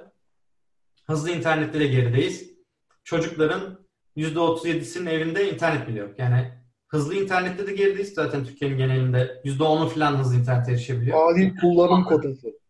Efendim? Adil kullanım kotası. Ha, o var. Kota olayı var. Bir de hani tüm internet abonelerinin de %10'u hızlı internete erişiyor yani. Öyle bir durumda var. Ee, ve çocukların %37'si yani 3 çocuktan birinden biraz daha fazlasının evinde internet bile yok. Yani bu direkt bize şunu gösteriyor. Biz geleceğe yatırım yapmıyoruz. Ve yani bu PISA sonuçları da sürpriz değil. Bun, bunlardan bahsediyor. Ee, bu gerçekten çok acıklı bir durum. Buraya hani özellikle değinmek istedim. Ee, sonrasında da yeni bir işte başka bir yazıda da bir sonraki yazıda da programlama çocuk oyuncağı değil başlığıyla. Burada da şeyden bahsediyor. Hani işte Avrupa Birliği'nde, Amerika'da artık böyle e, programlamayı, işte kod okur yazarlığını e, ilkokul seviyesine indirgeme. Artık yani ilkokulda bu dersleri biz çocuklara verelim, programlama öğretelim. Çünkü e, yani şeyde sektörde sürekli ihtiyaç var programlama bilen insanlara ve işsizlik de artıyor. Hani bu yüzden bizim acilen ilkokuldan itibaren çocuklara programlama öğretmemiz lazım diye bahsediyor. Hani burada e, işte birkaç e, hocanın, işte birkaç insanın kişisel girişiminden bahsediyor yani örnek olması açısından. Ondan da bahsedelim. Dijital Don Quixote diye bahsediyor Selçuk Özdemir. E, ben de biraz bakındım. E, Ankara'da Gazi Üniversitesi'nde işte eğitim e, fakültesinde e, hoca olan birisi. Hani aynı zamanda bir e, Teknokent'te girişim de var e, gördüğüm kadarıyla. Böyle çocuklara programlama öğretmeye yönelik işte girişimleri var. Aynı zamanda işte kitaplar falan yazmış. Bunlar gerçekten takdire şayan e, girişimler. Bunları hani daha çok desteklemeli ve e, böyle insanları e, sürekli bizim e, şey yapmamız lazım. Hani bir şekilde onlara maddi manevi destekli bulmamız lazım. Çünkü hani orada e, belki de yüz binlerce çocuğa e, hani imkan şeyleri öğrenip işte geliştirebilmeye imkan e, sağlayacak. Öyle bir e, bölüm de var. E, şimdi zaten genel olarak üstünden geçmiş olduk ikinci bölümünde. Ya özgürlük ya sefalet bölümünün. Ee, arada şimdi toplumsal sorunlar üzerine sayısal denemeler var. Hani burayı dediğim gibi hızlıca geçelim diye düşünüyorum. Öncesinde bir kısa mola verelim. Ee, hemen sonra zaten aynı e, video içerisinde biz devam ederiz. Şimdilik durduruyorum. Devam edeceğiz. Tekrardan merhaba. Kısa bir ara verip devam ediyoruz. Ee, şimdi e, üzerinden hızlıca geçelim sadece işte bir, bir cümle belki yorum yapıp geçelim dediğimiz bölüme geldik. Toplumsal sorunlar üzerine sayısal denemeler. Bir diğer bölümde siyaset üzerine sayısal denemeler. Burada hani ben ilk bölümde ilgili e, belki çok hızlı bir şeyler söyleyebilirim. Toplumsal sorunlar üzerine sayısal denemeler bölümünde e, birkaç konu üzerinden gidiyor aslında. İşte Türkiye'deki e, işçilerin çalışma şartları, bunları nasıl düzeltiriz? Hani bu iş düzelme eğilimi var mı? onun dışında işte biraz toplumsal sorumluluğa yönelik bir bölüm var. İşte nasıl neden etrafı çöp götürüyor, bunu nasıl düzeltiriz diye. Hatta bununla ilgili e, bu yaz geldiğinde Selçuk Hoca bir kampanya da ateşlemeye çalıştı ama e, birkaç yerden yankı bulsa da e, toplum geneline yayılmadı sanırım. Zaten o yüzden pislik içindeyiz sanırım duyulmadığı için. E, ondan sonra işte şeyle ilgili konular var. E, Suriyeli sığınmacılar, çocuklar falan. Yani öz- bayağı derin ve e, Türkiye'nin kadınlarla ilgili sorunlar var. Şey e, problemler işte kadına şiddet, e, kadının Türkiye'deki durumu ile ilgili verilere dayalı bunların hepsi de e, dur karnemizi böyle ortaya koyuyor. Biz burayı e, sadece birkaç cümleyle geçelim dedik. Hani benim burada gördüğüm tek hani şey e, oldukça zayıf durumdayız. Zaten hani bu kamplaşmalar falan da hani bunun bir göstergesi. Hani sürekli işte birbirimize güven duymayan ve sürekli birbirimize işte aldatmaya çalışan diyeyim, birbirimizin kuyusunu çözmeye çalışan bir toplum haline doğru geliyoruz. Gerçekten acıklı bir durum. Yani bunun üzerine çok da fazla konuşmak istemiyoruz zaten. Ee, benim söyleyeceklerim bu kadar. Eren? Ee, benim bu konuda oturumdan önce de zaten bir konuşmuştuk bunu çağrıyla. Tehlikeli mevzular bunlar biraz da aslında. Yani konuşmanın da bir fayda getireceğini düşünmüyoruz aslında. Dolayısıyla ben sadece bir, bir sorunun bir olası çözümüyle ilgili konuşacağım. Bu hmm. işçi ölümleriyle ilgili hani bu kitap hemen Soma'nın ertesinde yazılmış biliyorsunuz Soma'da yani çok çok elim bir kaza yaşandı. Çok insanlar can ya hani kelimelerin kifayetsiz kaldığı yer diyeyim. Neyse şimdi gerek inşaatta sanırım madenlerde de durum böyle. Ona emin değilim ama inşaatta böyle olduğunu eminim. Siz bir inşaat yaparken gerek konut olsun, gerek altyapı, üst yapı ya da büyük dev inşaatlar, köprü gibi fark etmez. E, bir denetim şirketi tutmakla mükellefsiniz. Buna zorunlusunuz yani. Bu zorunluluk şöyle sirayet ediyor. Aslında iyi bir gelişmeydi bu. Önceden yoktu, son yıllarda çıkarıldı. Denetim şirketi gelir, işte iş güvenliğine, malzeme kalitesine vesaire, projeye uyulup uyulmadığına gibi konulara bakardı. Hala da bakıyor. Fakat burada temel bir problem var. O problem de şu. İşi yapan müteahhit iş güvenliği firmasını tutmakla zorunlu ve parasını da o müteahhit ödüyor. Dolayısıyla sizin işverin işçiniz konumunda ya da taşeron şirketiniz konumunda oluyor zaten. Denetim ya da güvenlik şirketi. İş sağlığı güvenliği şirketleri mesela. Selçuk Hoca'nın bolca dem vurduğu gibi bu konuda çok büyük bir yaptırım da yok. Son yıllarda biraz daha iyi kitabın yazıldığı zamana göre ama o zaman çok azdı. Dolayısıyla sizin para ödediğiniz bir şirket sizi denetleyemez. Hep sorunlardan bahsediyoruz. Ben çözümünü de söyleyeceğim. Çözümü de şöyle. Devlet bir fon oluşturur. E, müteahhitin ne kadarlık iş yapacağı zaten aşağı yukarı bellidir. Bu konut da olsa. Bir raiç bedel üzerinden hesaplanır. Müteahhite denir ki kardeşim şu kadar parayı denetim şirketlerine ödenmek üzere şu hesaba yatırıyorsun. Devletin oluşturacağı fon bu olur. Ve devlet o fondan ihale usulüyle bağımsız denetim şirketlerine iş verir. Adam kayırmadan, şirket kayırmadan. Dolayısıyla her şey, şirket işini alacağını bilir, işi yapacağını bilir. Aynı zamanda şirketler işi aksattığı takdirde sıkıntı yaşayacağını da bilmeli. Burada Selçuk Hoca'nın çok bahsettiği bir konu var. Biz ona değinmeden geçtik. İşte ödül, ödül ceza mekanizması. Hani cezalandırılmayan aksiyonlar devam etme eğilimi gösterir. Kötü aksiyonlar diyor ya. Dolayısıyla siz denetim şirketlerini bağımsızlaştırırsanız ve o raporları dikkate aldırırsanız müteahhite devlet olarak bu bölümde geçen o işçi ölümleri vesaire gibi konuların yani çok büyük oranda önüne geçebilirsiniz. Zaten yani bunun başka bir görünür çözümü de yok. Öyle söyleyeyim. Ee, bir sonraki bölümde de bu siyaset konusuydu. Siyaset evet. üzerine sayısal denemeler. Ben bu konu üzerine hiçbir şey söylemeyeceğim. Çünkü gerek yok. Yani benim fikrim bu. Okuyacak arkadaşlar kendileri okusunlar, kendi çıkarımlarını yapsınlar diye düşünüyorum. Çağrı senin varsa buyur. Evet, benim de ekleyeceğim bir şey yok yani bu siyaset üzerine sayısal denemeler. Yani zaten e, dediğimiz gibi Türkiye o kadar hızlı değişiyor ki e, muhtemelen e, bu kitap yayınlandıktan işte birkaç ay sonra burada bahsedilen bazı şeylerin hiçbir geçerlilik kalmadı zaten. O yüzden e, pas geçiyoruz burayı da. Ve son bölüme gelin. Burası da yine güzel bölüm. Yani her alt başlığında güzel yine verilerin olduğu, Selçuk Hoca'nın işte önerilerinin de çözüm yönelik önerilerinin de olduğu eğitim üzerine sayısal denemeler. Aslında hani şöyle bir şey gibi düşünebiliriz e, kitabı. Bizim pas geçtiğimiz yerleri yani pas geçtiğin zaman aslında birbirini takip eden bir şey gibi oluyor. Yani hani Türkiye'nin evet. ekonomik sıralaması işte e, nasıl çözeriz? E, işte özgürlük ya özgürlük ya sefalet ve son olarak da hani eğitim işin eğiti, eğitimi işin odağına aldığımızda konunun odağına aldığımızda eğitimi nasıl düzeltiriz ki hani ekonomimiz düzelsin hani ülkemizde kalkınsın şeklinde hani sonuçlandırabiliriz. Ee, şimdi eğitim üzerine sayısal denemelerde ben birçok e, yazı üzerinden notlar aldım. Onlara şöyle bir hızlıca bakıyorum şimdi. E, PISA ile ilgili konuştuk. E, ilk yazı e, PISA gelmiş neyime e, başlığıyla e, yazılmış. Zaten hani belli bir şey başlıktan da bir serzeniş olduğunu anlıyoruz. Yani PISA sonuçlarının zaten çok konuşulmadığı e, ve e, işte e, sen oturumdan önce bahsetmiştin san, sanırım değil mi? Hani yok pardon oturumda konuştuk bu şey konusunu.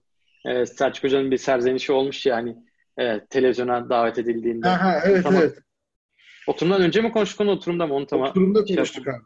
Ha tamam pardon. Aynı o durumu yani o durumun yazıya dökülmüş hali gibi. Ee, burayı pas geçiyorum. Ha, burada ben bir link paylaşacağım. Ee, PISA işte ara, aradım Google'da falan baktım. Hani orada şeyi görebiliyorsun. Hani kendi ülkeni diğer ülkelerle karşılaştır diye bakabiliyorsun. Hani ben şöyle bir bakayım dedim. En fazla Türk'ün yaşadığı ikinci ülke olan Almanya'ya bir bakayım dedim. Türkiye ile Almanya'yı karşılaştırdım. Ee, hani kendimce şöyle bir sonuca vardım.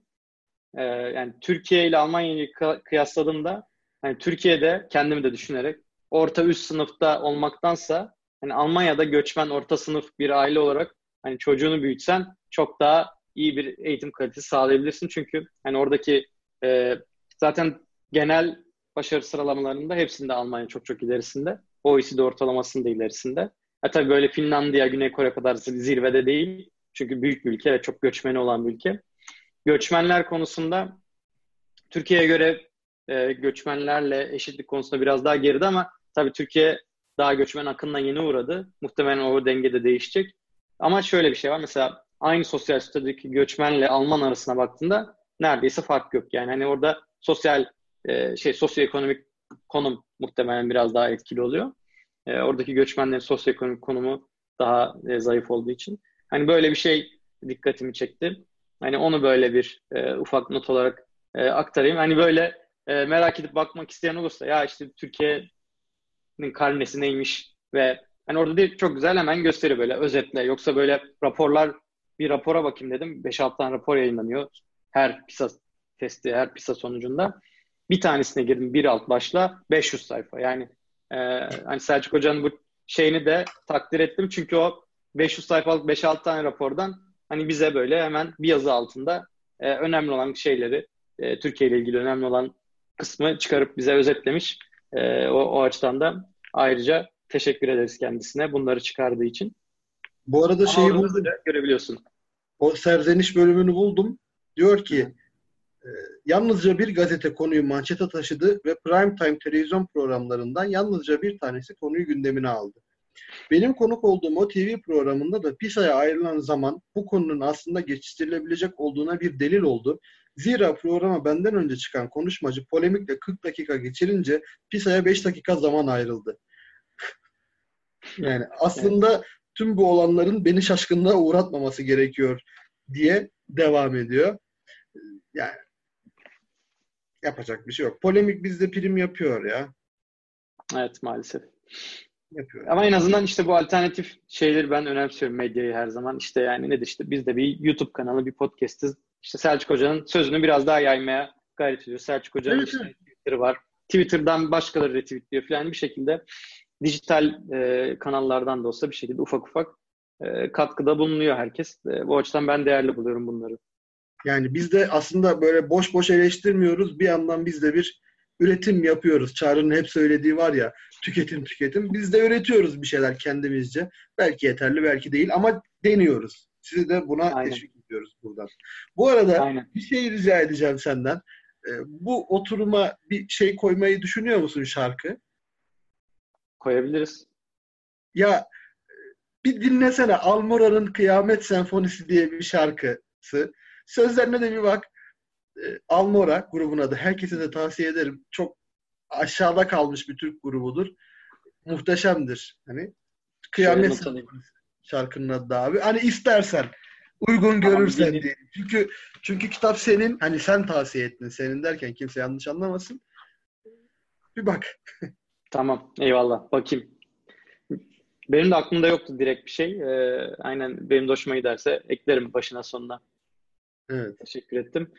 Bir sonraki yazıya geçeyim. Ee, eğitimde reform için 7 öneri. Burada e, hani e, kısa kısa başlıklarla bu 7 öneride eğitimi nasıl hani bir şekilde e, reforma sokabiliriz bundan bahsediyor.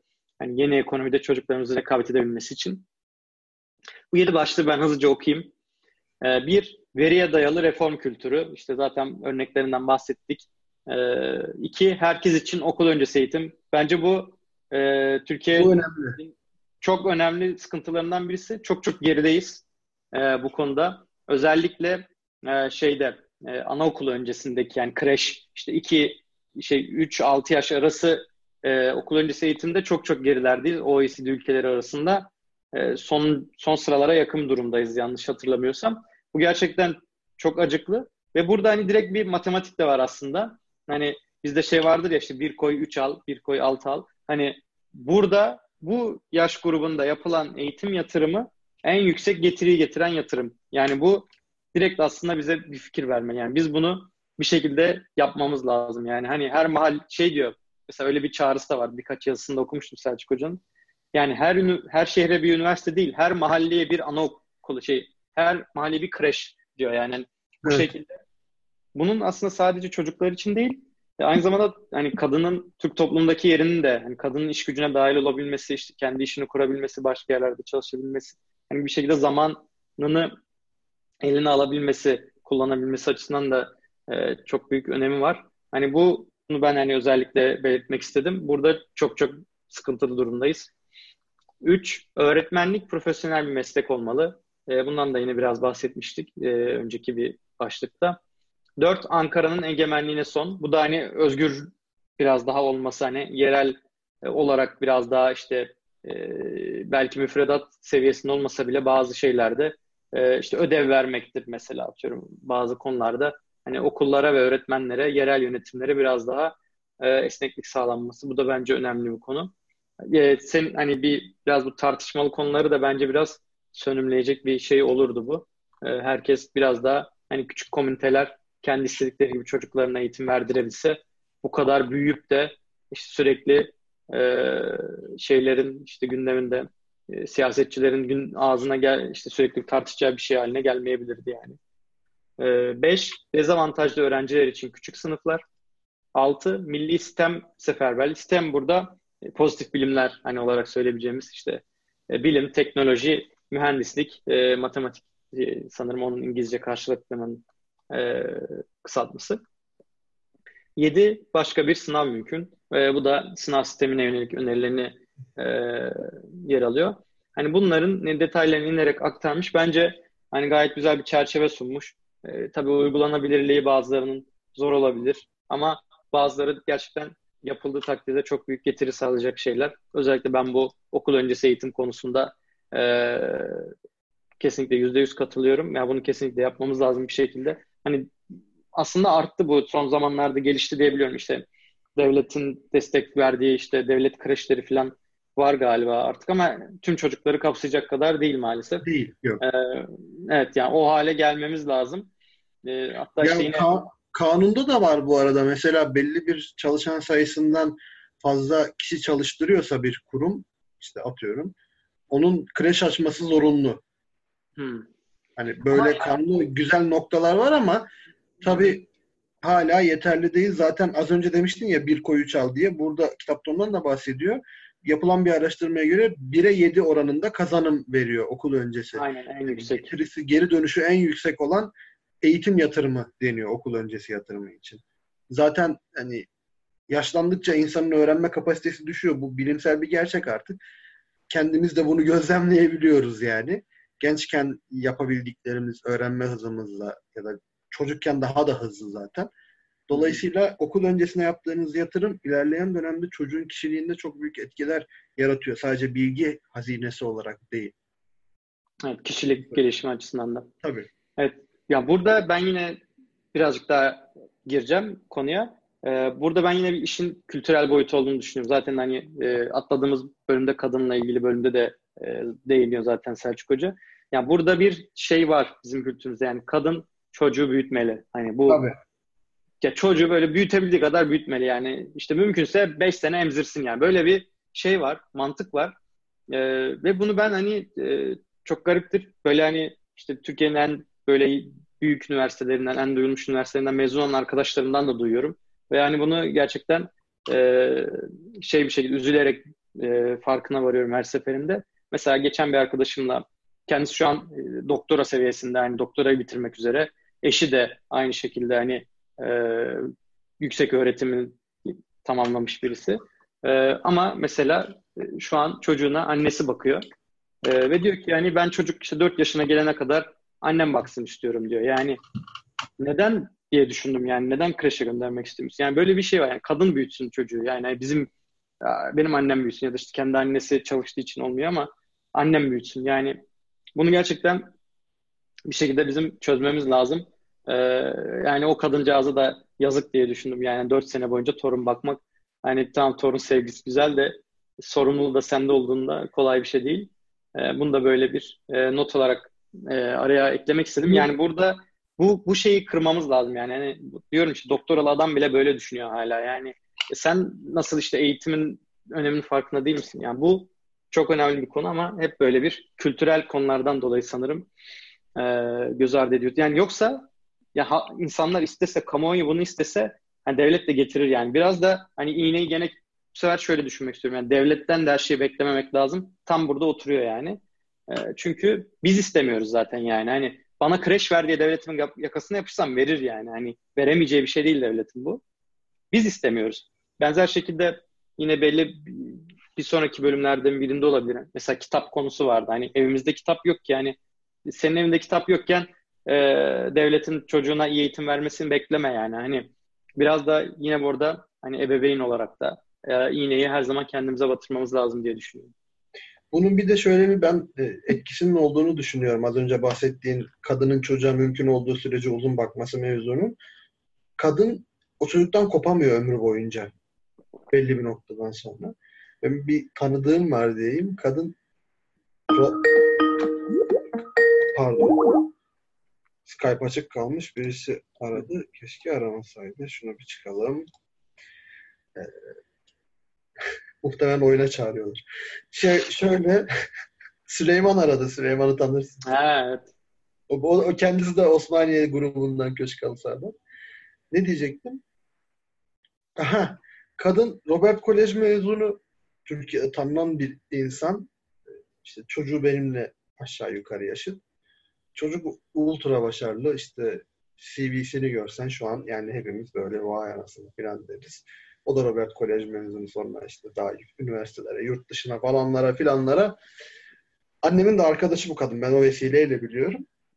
Annemle konuşuyorlarmış. Annem biraz bahsetti. Garip gelmiş. Hani kadın işte çocuğu işte evlenmedi, yok şunu yapmadı, yok bunu yapmadı falan diye yani garip geldi. Anlatabiliyor muyum? Çocuk Birleşmiş Milletler'de çalışıyor lan. Yani evlenir herhalde istediği zaman. Değil mi? Yani bunu yapabilecek seviyede diye düşünüyorum ben. Bir de böyle bir şeye sebep oluyor tabii. Öyle ben de araya gireyim dedim. Neyse. Ee, bir sonraki bölüme geçelim mi? Geçelim. Gates, Bill Gates. Sen herhalde orada söylemek istediklerin var. Senden başlayalım. Evet. Burada ben gireyim. Burada az önce bahsettiğimiz konuya girmiş aslında. Biraz yaklaştık. Bu üniversite terk mezunu işte Bill Gates, Mark Zuckerberg, Steve Jobs gibi böyle bizim bizim neslin iyi bildiği insanlar. Teknoloji devleri. Bu insanların üniversite terk olmasından bahsediyor. Selçuk Hoca da diyor ki evet bunlar üniversite terk ama bu iş o kadar basit değil. Yani üniversiteye yanına kadar bu insanlar zaten çok seçkin bir eğitim sürecinden geçtiler. Hepsi için geçerli. Yani diyelim ki Bill Gates'ten bahsediyor burada. Çocukluğunda evde bilgisayar vardı gibi bir ifade. Çocukluğunda evinde. Evet yani 70'li yıllar mı 60 yıllar mı? Evet 70'li yani. yıllar galiba. Öyle değil miydi? Ben yanlış mı hatırladım? Evet evet doğru doğru. Çocukluğunda evde bilgisayar vardı. Keza mesela gene e, dönemimizin başarılı insanlarından işte Elon Musk'ın da çocukken evinde bilgisayar olduğunu biliyoruz. Hakeza Reddit'in kurucusu sonradan genç yaşta ölen adamın adını hatırlayamadım şimdi. Onun da çocukluğunda evinde bilgisayar Onun var. bir belgeseli de var hatta linkini Evet ben onu izledim de oradan biliyorum zaten. Evet evet. Onu not alayım da koyalım bula bulur. Her şeyi değiştiren adam mıydı? Öyle bir şeydi belgesel. Şey, internetin e, devrimci çocuğum öyle bir şey tam atıyorum. Ya böyle open source'u çok ileri süren Aynen. de yani böyle bir şeyleri hackleyip bir şeyleri işte açı, akademik yayınları açığa çıkaran falan. Çok güzel bir şey var adamın e, hikayesi var. Ya, tabii evet. sonunda acıklı bitiyor ama onu evet. koyalım. Yani burada bahsetmeye çalıştığımız şey şu. Çocuğunuza iyi bir eğitim verirseniz o çocuğun belki üniversiteye ihtiyacı bile olmayabilir. Yani hani derler ya işte üniversite insanın düşünme kapasitesini sınırlar. Bence de böyle bir etkisi var ama zaten düşünmeyi bilmeyen adamın o üniversiteye ihtiyacı var. En azından bir düşünme sistematiği veriyor. Burada bahsedilen kişiler Steve Jobs'tır, işte Bill Gates'tir, Zuckerberg'tir. Bunlar zaten belli bir düşünme sistematiği olan kişiler. Mesela Zuckerberg iyi bir fikri gördüğü zaman onu çalmayı biliyor. Yani öyle ya da böyle. Onu alıp değerlendirmeyi biliyor da diyebiliriz daha amiyane tabirle. Keza Bill Gates de öyle. Gidiyor işte Apple'dan işletim sisteminin arayüzlerini falan görüyor. Ondan sonra patlatıyor Microsoft diye. Hani Microsoft önceden de yazıyordu bir şeyler. MS-DOS'u vardı. Ama o ilk Windows'un şeyi, orijinal fikri Steve Jobs'a aittir. Bill Gates evet, Steve Jobs'la Bill Gates aynı şehirde e, bulunabilen insanlar yani bir şekilde o şehir bir şekilde o çocukları yetiştirmiş yani. Orada Gibi. bitiyor zaten mesela. Ya zaten bence hani inovasyonun ilk kuralı iyi bir fikri gördüğün zaman heyecanlanabilmektir. Yani o fikri anlayabilmek ve o fikrin işe yarayıp yaramayacağını görmektir. Onun gelecek projeksiyonunu yapabilmektir. Ben böyle düşünüyorum. Uygulama alanlarını bir şekilde hayal etmek gerekiyor aynen. Evet ondan sonrası daha hani e, ellerini kirletmek diyorlar ya İngilizce'de.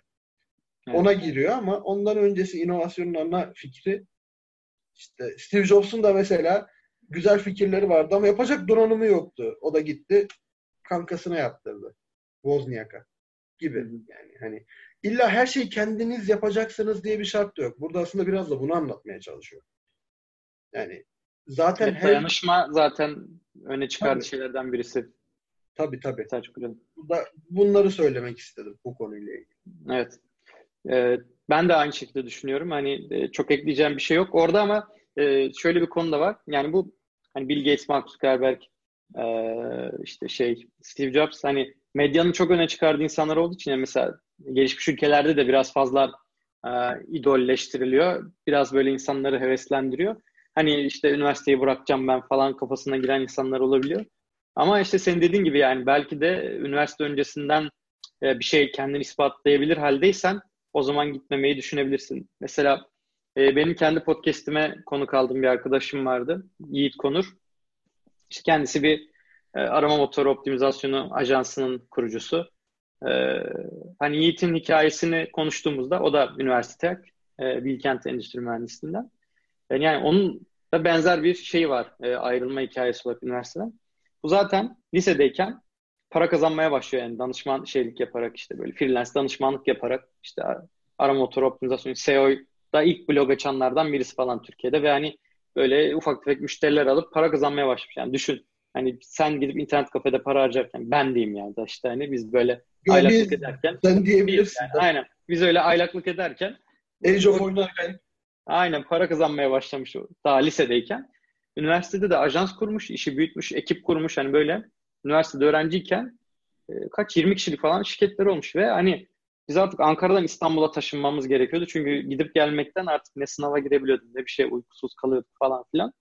Hani bırakıp üniversiteyi İstanbul'a taşıyorlar şirketi yani. Hani böyle bir hikayesi var. E, yani hani orada mesela Yiğit'in de öyle bir önerisi var. Yani üniversite şart değil ama işte öncesinde bir şey kendini ispatlarsan şart değil bence. Yani. Hani bunu bunu göz önünde bulundurmak lazım. Ee, diğer türlü e, lise mezunu ve hiçbir şey yapamayan bir insan olarak da kalabilirsiniz. Ee, bunu her zaman göz önünde bulundurmak lazım. evet, riskleri gö- göz önüne alın ondan sonra. Evet. Bir de üniversite terkin bence şöyle bir şey de var. Ee, zaten şeyde bahsediyor. Ee, tercih yapacak genç arkadaşa mektup diye bir e, şeyi var. E, Selçuk Hoca'nın daha ilerleyen bölümünde. Orada mesela hani şey diyor. E, bölümden ziyade önce üniversite seçin diyor mesela. Evet. Öyle bir tavsiyesi var. Çünkü e, artık bölümlerin de çok geçerliliği kalmıyor. Yani zaten bugün okuduğun, okuduğun disiplin e, sen mezun olduğunda e, geçersiz kalabilir diyor yani. Zaten sürekli yeni iş kolları çıktığı için. E, sen orada hani çevreni oluşturacak o network'ün işte bileyim, sosyal aktivitesi olur. Daha işte e, daha uluslararası bir ortamı olan işte yurt dışından öğrencilerin gelip gittiği senin gidebileceğin yurt dışına bir üniversite seç diyor. Mesela hani burada da e, aynı şeyi bu işte Steve Jobs'tır, e, bu e, Mark Zuckerberg onlar için de söyleyebiliriz. Yani onlar da bu üniversite ortamının o network'ü e, koklamış, yaşamış insanlar. Yani e, Mark Zuckerberg'in mesela ilk işe aldığı insanlar muhtemelen yan odasında oturanlar falan yani hani hemen böyle kapısını çalıp gel bana kod yaz diyebileceği insanlar vardı yani hani onun çok önemli etkisi olduğunu düşünüyorum. Yani kendi başına böyle bir yerde yapamazsın yani bir şekilde birileriyle işbirliği dayanışmaya girmen lazım ve bu dayanışan insanlar Harvard'da okuyan insanlarsa hani senin başarı ihtimalin çok çok daha yüksek. Hani o yüzden e, üniversitenin öyle bir avantajı her zaman var bence. İyi e, ortamı olan işte bu uluslararası ortamı olan üniversitelerin her zaman avantajı var. E, bunu eklemek isterim ben bununla ilgili. Bu Bir üniversite sonraki- üniversite seçimiyle ilgili e, Evet. şey var. Belki arkadaşlar aşinadır. Ben de ona bakıyordum. Şimdi emin olmak için yanlış bilgi vermemek adına. Dünyanın en uzun deneyi var. Harvard deneyi. Mutluluk. Mutluluğun formülü nedir? Bunu konuşmuştuk epey. Os- Osmaniye'de. Belki hatırlarsın. Belki de sen. Evet, ben de o araştırmadan evet haberdarım aynen. Yani bu araştırmaya katılanlar içinde Harvard mezunlarının arasında Amerika başkanlarından tutun ünlü sporcular, efendim gelişmiş teknoloji şirketlerinin sahipleri, ünlü bilim adamları herkes var. Ve ezici çoğunlukla mutluluğun sırrının insan ilişkileri, iyi insan ilişkileri olduğu sonucu çıkmış bu deneyden. Çar'ın dediği bu noktada çok önemli. Hani networking dedi ya yani iyi bir üniversiteye gidip iyi kalitedeki insanlarla muhatap olursanız başarılı ve mutlu olma şansınız daha artıyor. Yani siz çok dahi mertebesinde bir insan olabilirsiniz.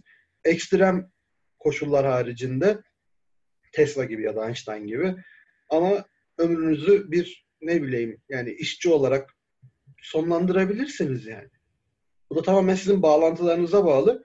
Çünkü Çar'ın az önce verdiği örnekteki gibi Mark Zuckerberg'in yakınlarında iyi bir kodcuysanız Şimdi dolar milyarderisiniz. Yani o ilk Facebook kurulurken oralarda olmanız yeterli. Ya da Larry Page'in yakınlarındaysanız Google ilk büyümeye başladığında. O adamı tanımanız önemli. O adamın sizin kapasitenizi bilmeni, bilmesi önemli. Öyle söyleyeyim. Evet. Evet bu gerçekten önemli. Ee, o araştırmanın da linkini koyalım. Bence çok değerli bir araştırma. Çünkü Evet. hani e, bir yandan şey kısmı da var yani mesela işte nesiller arasında da böyle yani nesilden nesile bu araştırma yapılmış. Hani orada Tabii. gerçekten çok önemli hani diyelim bir aile kuracaksanız işte çoluk çocuk sahibi olacaksanız bence kesinlikle bakmanız gereken bir araştırma. Ee, onu da ben hemen not alayım. Linkini koyarız. MIT'di değil mi? Harvard abi. Ha, Harvard mı? Ha pardon. Harvard. Hatta bu şey Boston şehrine özgü bazı konular da vardı sanırım. Öyle şeyler hatırlıyorum. Harvard Boston'da mı ya? Massachusetts Boston Boston'daydı da Harvard nerede Boston. ben bilmiyorum. O da mı Boston? O da Boston. Ha, aynen aynen. Evet. Şöyle not alayım. Evet tamam. Bunun da linkini koyarız. Ee, bir sonraki bölümle devam edelim. Eğitim sistemi dökülüyor. Ee, bu zaten konuştuk. aslında evet. efendim? Bunu konuştuk bol bol. Bayağı evet, bir konuştuk. Aynen. Zaten e, şöyle hemen bakıyorum hızlıca aldım notları. Evet bunu zaten konuştuk. E, bence pas geçebiliriz. Çünkü e, diğer bölümlerde bahsedilen ve bizim de değindiğimiz konulardan e, bahsediyor bu yazı. E, bir sonraki böyle şura olmaz. Veriler olmadan eğitim tartışılmaz. Bunu da konuştuk. E, evet. Eğitim şurası ile ilgili e, yine bir yakınma serzeniş yazısı e, Selçuk Hoca'nın. Bir sonraki neden fen ve matematik alanlarında başarılı olamıyoruz? Bence bunu da geçebiliriz diye düşünüyorum. Evet. Burada bir belki şey diye hızlıca dokunabiliriz. Fatih projesi her derde deva olmayacak demiş. Zaten evet. olmadığını da biliyoruz. ha, orada önemli bir şey var. Bir araştırmanın sonucunu paylaşıyor Selçuk Hoca. Diyor ki evet. yapılan araştırmalara göre bilgisayar kullanımıyla işte fen ve matematik alanlarındaki başarının hiçbir alakası yok. Böyle evet. bir şey söylüyor. İstatistiki bir bilgi söylüyor. Onu da ekleyelim burada. Evet hatta işte bu Japonya mıydı, Güney Kore miydi? Yani böyle eğitimde e, PISA verilerin e, test sonuçlarında en üst sıralarda olan birkaç ülkeden bahsediyor. Yani onlarda işte ilk, ilk ve orta öğretimde bilgisayar kullanılmıyor bile falan diye bahsediyor. Evet. Yani, ee, yani otur, oturarak kalçasıyla o işte e, tabletin tuş kilidini açan el kadar bebeniz matematik ve fende bir Ramanujan ya da bir Einstein olmayabilir. Kötü evet, bu konuyla ilgili şöyle bir şey söyleyeyim. Hani, e, hani çok bariz bir gerçek. Çok takılıyorum. Kusura bakma da çok komik yok, geliyor. Yok. Bizim olan... Yok yok. Ben de seni destekleyecek bir şey söyleyeceğim. Ee, hani şu şöyle kısa bir hani anekdot vermek istiyorum. Bu e, işte akıllı telefonlar, tabletler en akılsız insanın bile kullanabilmesi için yapıyor. Yani akıllı telefon kullanan akıllı değil yani akıllıdır diye bir çıkarımda bulunmayın. Yani böyle bir çıkarım yok. Akıllı telefon milyarlarca insan kullanabilsin. En düşük zihinsel kapasiteye sahip insanla kullanabilsin diye yapılan bir şey. Hani çocuğunuz dediğim gibi kıçıyla e, tuş açtı diye çok zeki çocuğum var diye düşünmeyin. Kesinlikle yani o ta- tablette zekasını geliştirebilir ama doğru yönlendirmeniz lazım. Ee, bunu ben de not olarak ileteyim. Yani ben de sana katılıyorum o konuda. Eyvallah. akıllı telefon kullanıyor demek akıllı demek değildir yani. Evet. E, bir sonraki bölüm. Türkiye %2.2'si problem çözebilen ülke. Bunu da konuştuk. Geçiyorum. Tercih yapacak genç arkadaşa mektup. E, bununla ilgili ben bakındım. E, o ilgili yazıyı buldum. Selçuk Hoca'nın 2014'te de 2015'te yazdığı. Hürriyet'te yayınlanmış. Sonra yeni bir tane daha yazmış.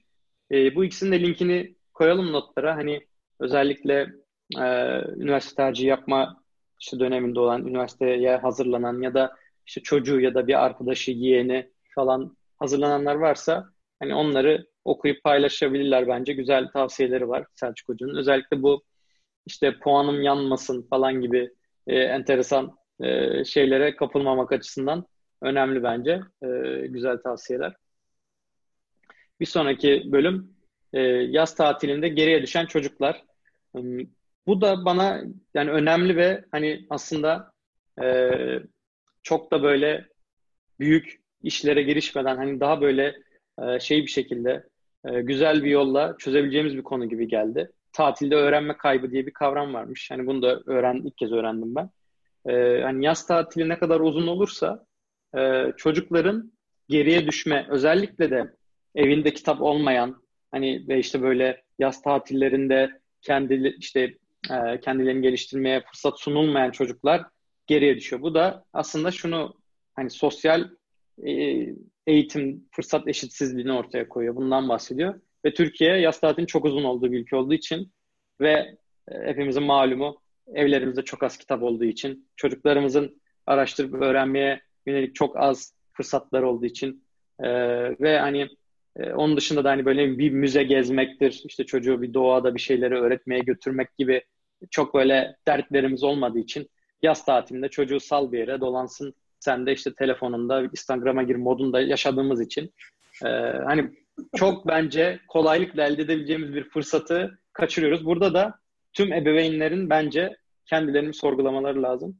Ben bu çocuğa yazın ne veriyorum? Bunu düşünmeleri lazım. Yaz tatillerinde özellikle. Hani bir kursa göndermek tam paran yoksa e, devletin de ücretsiz kursları var.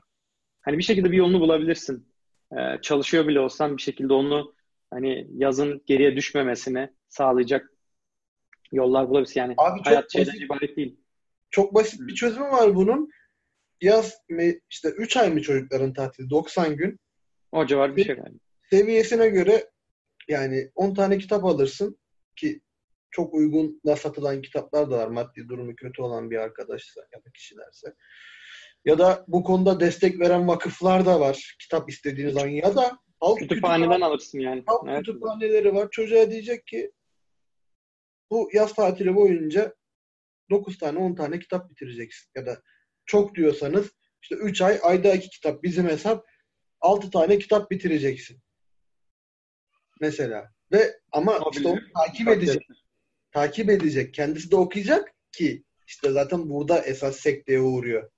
Aynen. Instagram'a girmeyip senin de çocuğunla kitabı okuman lazım işte. Aynen öyle. Fark orada yani. Evet. Ee, yani bu bence gerçekten önemli bir konu ve şeyi de gösteriyor. Mesela çok güzel grafikleri de böyle göstermiş. Ee, evet. Yani kitaba alanlar e, görecektir zaten. E, oradaki grafikler böyle makasın nasıl açıldığını. Ha, şöyle ben hatta e, göstereyim. Tatilde öğrenme fırsatı olanla tatilde öğrenme fırsatı olmayanın farkını şöyle gösteriyor. Gördüğünüz gibi şu e, düşüşün olduğu yerler e, şey şu alttaki fırsatı olmayan sürekli bir geriliyor her tatil döneminde aşağı düşüyor ve e, sonra geri toparlıyor yani okul döneminde. Diğer çocuk ise tatil döneminde hızı yavaşlıyor. Hani biraz dinlenme modunda olduğu için ama şeyi devam ediyor yükselişi. Hani gördüğün gibi hani şey bu e, derler yani zenginin çocuğu güzel kendini geçiriyor fakirin çocuğu. İşte fakirin çocuğu çünkü yazın e, kimse onunla ilgilenmiyor muhtemelen böyle. Gerileye gerileye ilerlemek zorunda kalıyor. Aynı okulda bile okusa ki artık okullar da ayrıştı. Yani o iş iyice zaten zora bindi. Ama hani en azından kendiniz e, bir şekilde o yaz tatilinde hani yaz tatilinin kısalması gibi hani böyle bir şey zaten muhtemelen birçok insan itiraz edecektir. Gene aynı şey konusuna geliyoruz. İnsanlar istese o da kısalır ama istemezler. Niye? Çünkü tatil ne güzel yani hani falan. Ee, evet. O yüzden öyle bir durumumuz var maalesef. Evet bu bölümde böyle. Ee, bir sonraki bölüm ebeveynlik krizi 196. sayfada. Yani burada şeyden bahsediyor biraz göç olgusundan bahsediyor. Yani benim çok ekleyeceğim, çok e, söyleyeceğim bir yorum yok. Senin var mı Eren? Şöyle yani buradaki esas anlattığı konu eski model ebeveynlik yani sınırlara uyma vesaire biz böyle yetiştirildik diyor. Çünkü köydeydik. Herkes aynı şekilde yaşıyordu ve ölüyordu. Ama kentlere göç başlayınca şaşırdık. Ne yapacağımızı bilemiyoruz filan diyor. Ki bence bunun etkileri hala sürüyor. Yani bizim biz başka şekilde yetiştik. Bizim çocuklarımız başka şekilde yetişecek.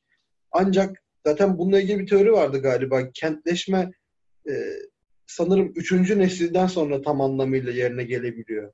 Hmm, şu kent soyluluk kavramı herhalde. Evet, kent soyluluk muhabbeti üçüncü nesilden sonra. Yani üçüncü nesille beraber daha doğrusu. Hı hı. Yani şey olabiliyor. Ki biz bile Türkiye Cumhuriyeti'nde doğru düzgün kentliliğin çok nadir olduğu düşünülürse biz bile hala bundan muzdaribiz toplum olarak muhtemelen. Evet. böyle düşündüm. Bu arada bir sonraki bölüm dershaneler sadece sınava mı hazırlıyor? Bence bunu komple pas geçelim çünkü artık dershane diye bir şey yok. Evet bu da geçerli nitiren e, bölümlerden biri oldu. Evet. Ödevin bir faydası var mı bölümüne geçebiliriz. Evet. Ee, burada hani enteresan veriler veriyor yine. Ee, hani ödevsiz eğitimin iyi olduğu durumlardan bahsediyor. Ve hani bence burada şey çok önemli. Ee, mesela her birini ayrı ayrı incelemiş. İşte 8. sınıfta ne, işte ne bileyim ilkokulda nasıl ya bunların hepsinin aslında ayrı ayrı değerlendirmesi. Yani belki ilkokulda ödev işe yarıyor ama ortaokulda yaramıyor. Ya da işte ödevin niteliği çok çok daha önemli. Yani çocuğa ben hatırlıyorum ya biz ilkokuldayken böyle eğik çizdi. İki sayfa eğik çizgi. Yani bunun kime ne faydası var Allah aşkına? Yani iki sayfa eğik çizgi çizdiriyorsun falan çocuğa. Yani hani... El becerisi kazanıyorsun işte. yani Güya. ne kadar kazanıyorum bilmiyorum ama hiç böyle bir yaratıcı bir şey yapmaya yönelik ödevim olduğunu hatırlamıyorum yani. Hani işte bir şey hayal et, onu çiz, yaz, gel falan. Çok nadir olan şeylerdi. Vallahi böyle... Pardon hacı ben birinci sınıf serüvenimi hatırladım şimdi. E, okumayı çok erken yaşta öğrendiğim için ben birinci sınıfa gittiğimde sağa sola baktım. Bunlar ne yapıyor diye düşündüm. Hani çünkü bilmiyorsun, çocuksun, herkes aynı olacak diye düşünüyorsun. Sonra ilk gün çok sıkıldım. Çok sıkıldım. İkinci gün artık yanıma kitapla gitmeye başladı. Yani roman kitap dediğim de hani Kuru Thompson okuyordum mesela. O zamanlar Kuru Thompson'u çok seviyordum. Birinci sınıftayken. yani millet böyle koşup eğlenip yani şey sınıfta hani curcuna içinde okumaya falan çalışırken ben orada böyle oturmuş Kuru Thompson okuyan bir tane çocuk vardı. ödevler, o ödevleri bana da veriyordu hoca mesela. Eğik çiz, işte yuvarlak çiz filan. Yapamıyordum çünkü yazmayı da biliyorum. Hani dediğin gibi ne olacak ki hani böyle biraz da böyle filan.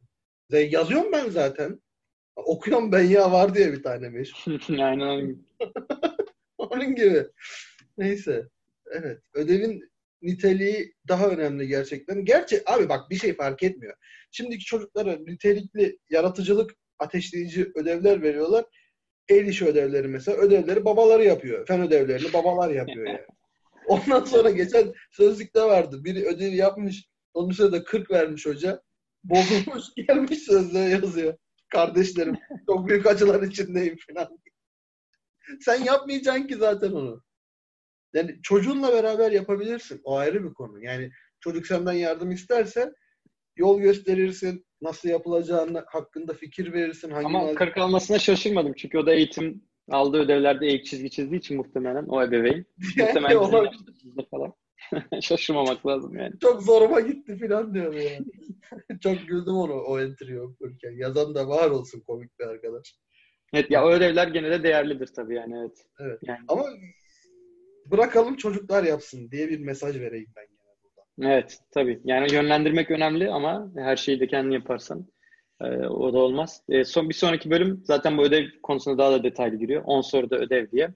Hani bunu da ben geçiyorum direkt. E, ya burada aslında şey önemli yani çocuğu okuldan bıktırmadan onu hani okuldan faydalanabileceği, aynı zamanda da eğlenebileceği bir ortam haline getirmek. Mesela o şeyde PISA skorlarında, test sonuçlarında biz o konuda da çok gerideyiz yani. E, açık bakabilirsiniz. E, okul bayağı eziyet geliyor çocuklara yani. Hani neden böyle işte. Abi bir şey söyleyeceğim bu arada. Bir ara ben Finlandiya eğitim sistemine takmıştım. Belgesellerini izliyordum. Bu şey var ya neydi o ünlü bir belgesel yönetmeni Fahrenheit'ın da yapımcısı aynı zamanda. Yani, Michael Moore muydu? Gözlüklü adam. Ha, Michael Moore evet. evet Michael Moore. O Finlandiya'da bir, bir belgesel yapıyor. Sanırım o belgeseldeydi. Çocuklardan birine mikrofon uzatıyorlar Şahri. Onu bulursam göndereyim. Hatta paylaşalım bulursam. Söz veremiyorum. Evet. Abi çocuk sanırım, sanırım 9 ya da 10 yaşında ya öyle bir konuşuyor ki bir yandan da oynuyor ha salıncakta falan sallanıyor. Ama böyle mikrofona şöyle bakıyor. Diyorlar işte ne düşünüyorsun eğitim sistemi hakkında? Bence iyi ama okulun etrafındaki işte bu kullandığımız oyuncakların sayısı biraz artırılabilir. Ha böyle kötü demek istemiyorum. Abi bir konuşuyor işte ders saatlerinin uzunluğu hakkında ne düşünüyorsun diyor. Yani şimdi tabii diğer arkadaşlar kısaltılması gerektiğini söyleyebilir ama bence çok şey değil. Sadece belki aralar biraz uzatılabilir falan diye. Ya yemin ediyorum işte televizyon izliyoruz ya bazen. Türk çocuklarına mikrofon uzatıyorlar. Anneni seviyor musun? Evet. Babanı seviyor musun? Evet. Hangisini daha çok seviyorsun? Abi bak çocuğa salak muamelesi yapıyorsun zaten. Yani bir çocuğa anneni seviyor musun? Çok merakla bekledim biliyor musun? belki bir çocuk çıkardı. Nefret ediyorum o gerizekalıdan filan der diye. Yani ne, ne eğlenirdik ama değil mi? Abi özgüvene bak ya kızdaki. Kız çocuğu lan benden daha temiz, daha düzgün konuşmasını bir yana bırakıyorum. Akılcı ve ne istediğini bilen daha bu yaşın. Evet. Bizde kaç tane çocuk Allah aşkına sokaktan çevireceğim de mikrofon tutacağım da falan filan. Onu aktarmak istedim. celallendim yine. evet maalesef e, o konuda karnemiz zaten bayağı zayıf yani. E, şimdi son iki bölüme geldik. E, Birleşmiş Milletler Global Eğitime Katkı Ödülü Türkiye'ye diye bir e, burada şeyden bahsediyor bu yazıda. Enver Yücel'den bahsediyor. Uğur Dershanesi ve Bahçeşehir Eğitim Kurumlarının işte üniversitesi, koleji kurucusu. Hani böyle e, birkaç e, güzel nadide örneklerimiz var. Onlardan bahsediyor. İşte bu da yine öyle bir bölüm. E, ve en sonunda da benim hikayem diyor. Burada bir yani, özel parantez açmak istiyorum Bahçeşehir özelinde. Ben Bahçeşehir Üniversitesi'ne saygı duyuyorum çünkü verdiği burslar vesaire onları bir kenara koyuyorum ama trendi takip ediyor, olayı takip ediyor. Mesela sanırım şu anda Türkiye'de e-spor kulübü olan tek üniversite Bahçeşehir. Yani e-spor kulübü var.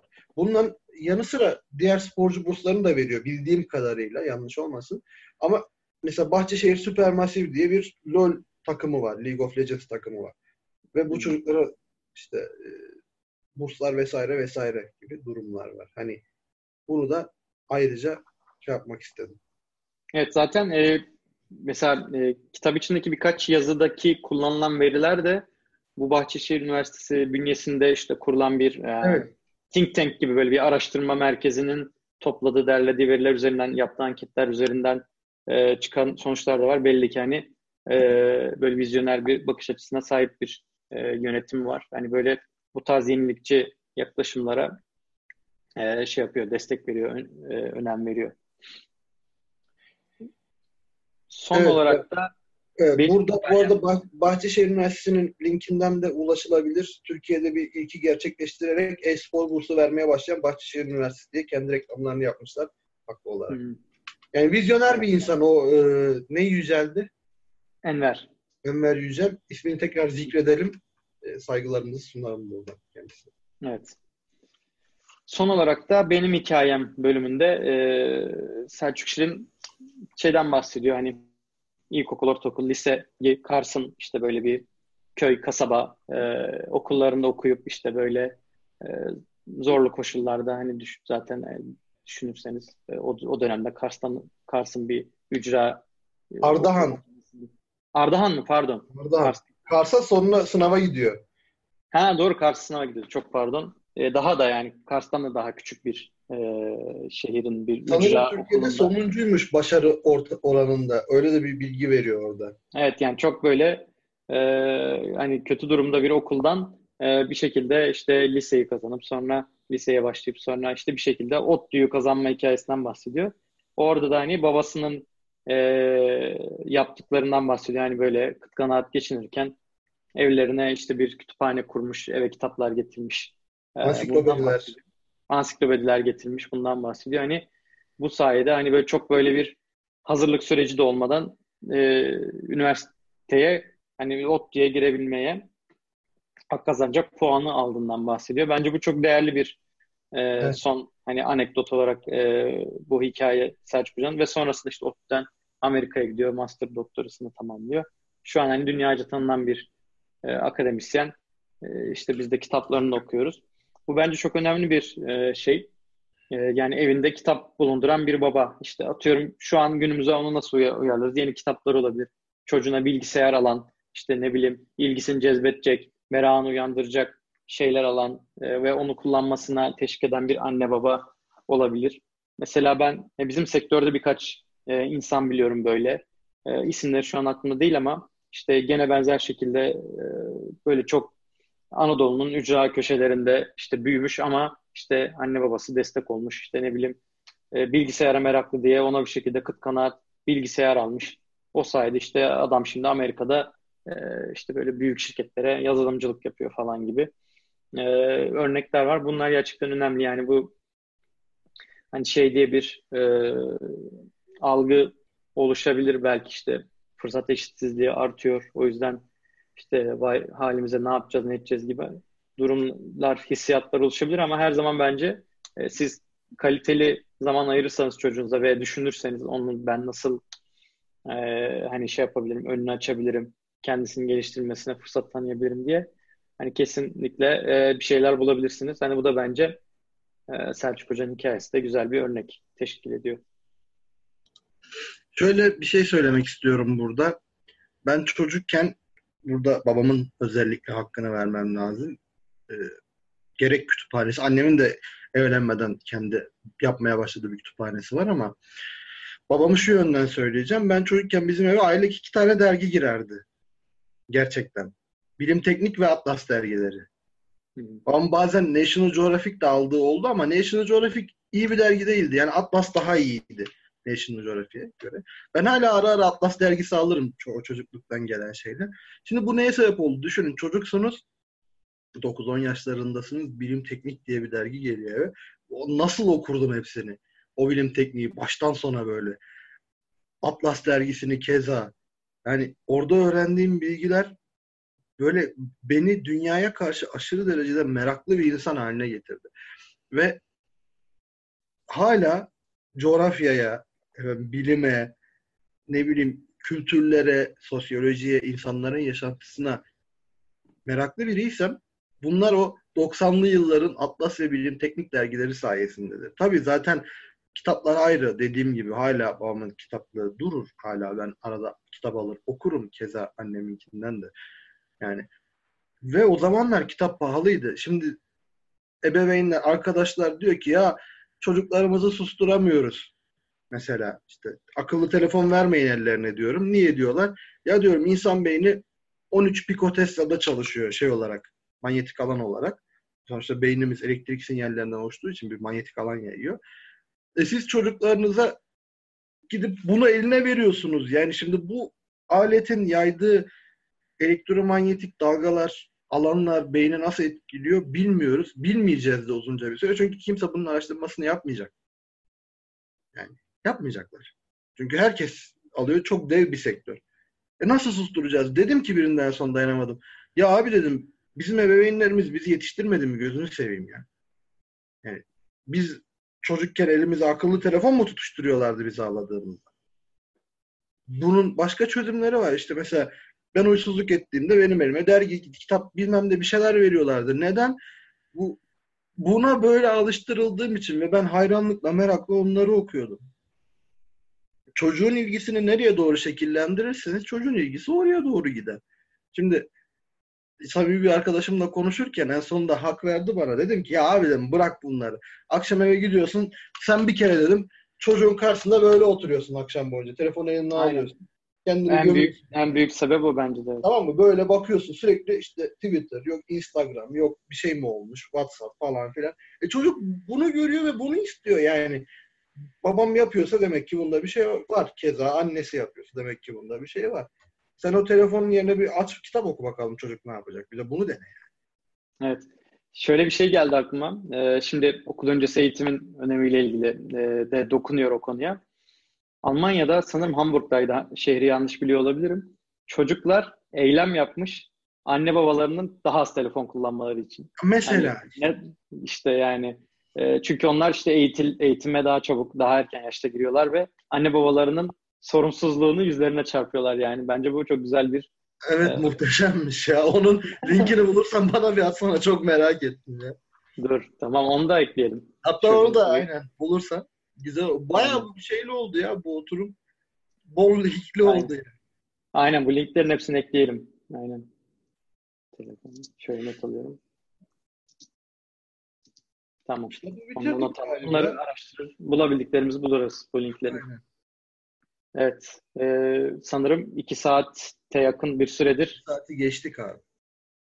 Ara, arayla bilmiyorum. Evet iki saat civarı oldu sanırım. Geçtik, e, geçtik. Konuştuk. Evet yine e, nispeten uzun bir bölüm oldu ama e, hani kitapta yani çok sayıda yazı olduğu için hatta yani iki tane büyük başlığı pas geçmemiz hal, pas geçtiğimiz halde ancak e, sonuna doğru gelebildik. Aynen ee, yani unutulmasın kitapta beş bölüm var ve biz sadece üçünü konuştuk.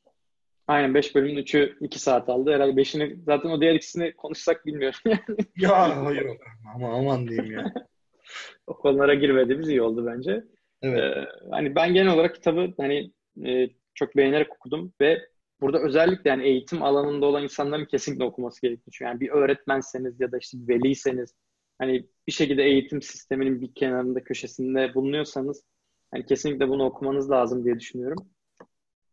E, mutlaka faydalanacağınız şeyler vardır ve hani e, durumumuzda biraz görüp böyle bir gerçeklerle biraz yüzleşmemiz de gerekiyor tabii. Hani öyle hmm, şey değil yani. E, çok böyle pohpohlanacak bir durumda değiliz. E, herkesin elini taşın altına koyması ve çekirdekten işte aileden, mahalleden, okuldan, her yerden başlayarak bunu e, ittirmesi gereken bir konu. E, hani kamuoyu oluşmadıkça da çözülme yönelik herhangi bir iradenin de oluşmayacağını düşündüğüm bir konu. O yüzden hani herkese e, bireysel sorumlulukla düşen bir konu ve kaçınmamamız gereken bir konu olduğunu düşünüyorum. Çünkü hani şey değil, tamamen bu işte Selçuk Hoca'nın tabirini hani tekrarlayacak olursam ideolojik kamplaşmalarımızdan uzaklaşıp hep birlikte el atmamız gereken bir konu.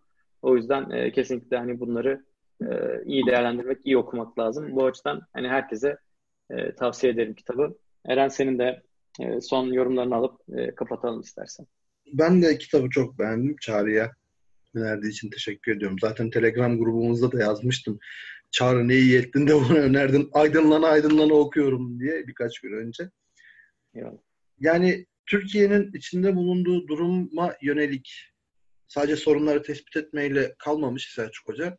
Çok olası ve uygulanabilir. Bazı durumlarda zor ama uygulanabilir çözümler önermiş. Ben bunu çok önemsiyorum. Özellikle hani günümüz durumlarıyla ilgili kitaplarda sadece sorun tespit edip bu budur, bu budur, bu da budur, hadi dağılın diyen kitapları e, çok şey yapmıyorum. Ben tutmuyorum en azından. Kendi adıma şahsi fikrim. Hatta Mahfiye İlmez'deki problemlerden biri de biraz buydu aslında. Benim nezdimde. Evet. Bana da biraz öyle gelmişti. Evet. evet.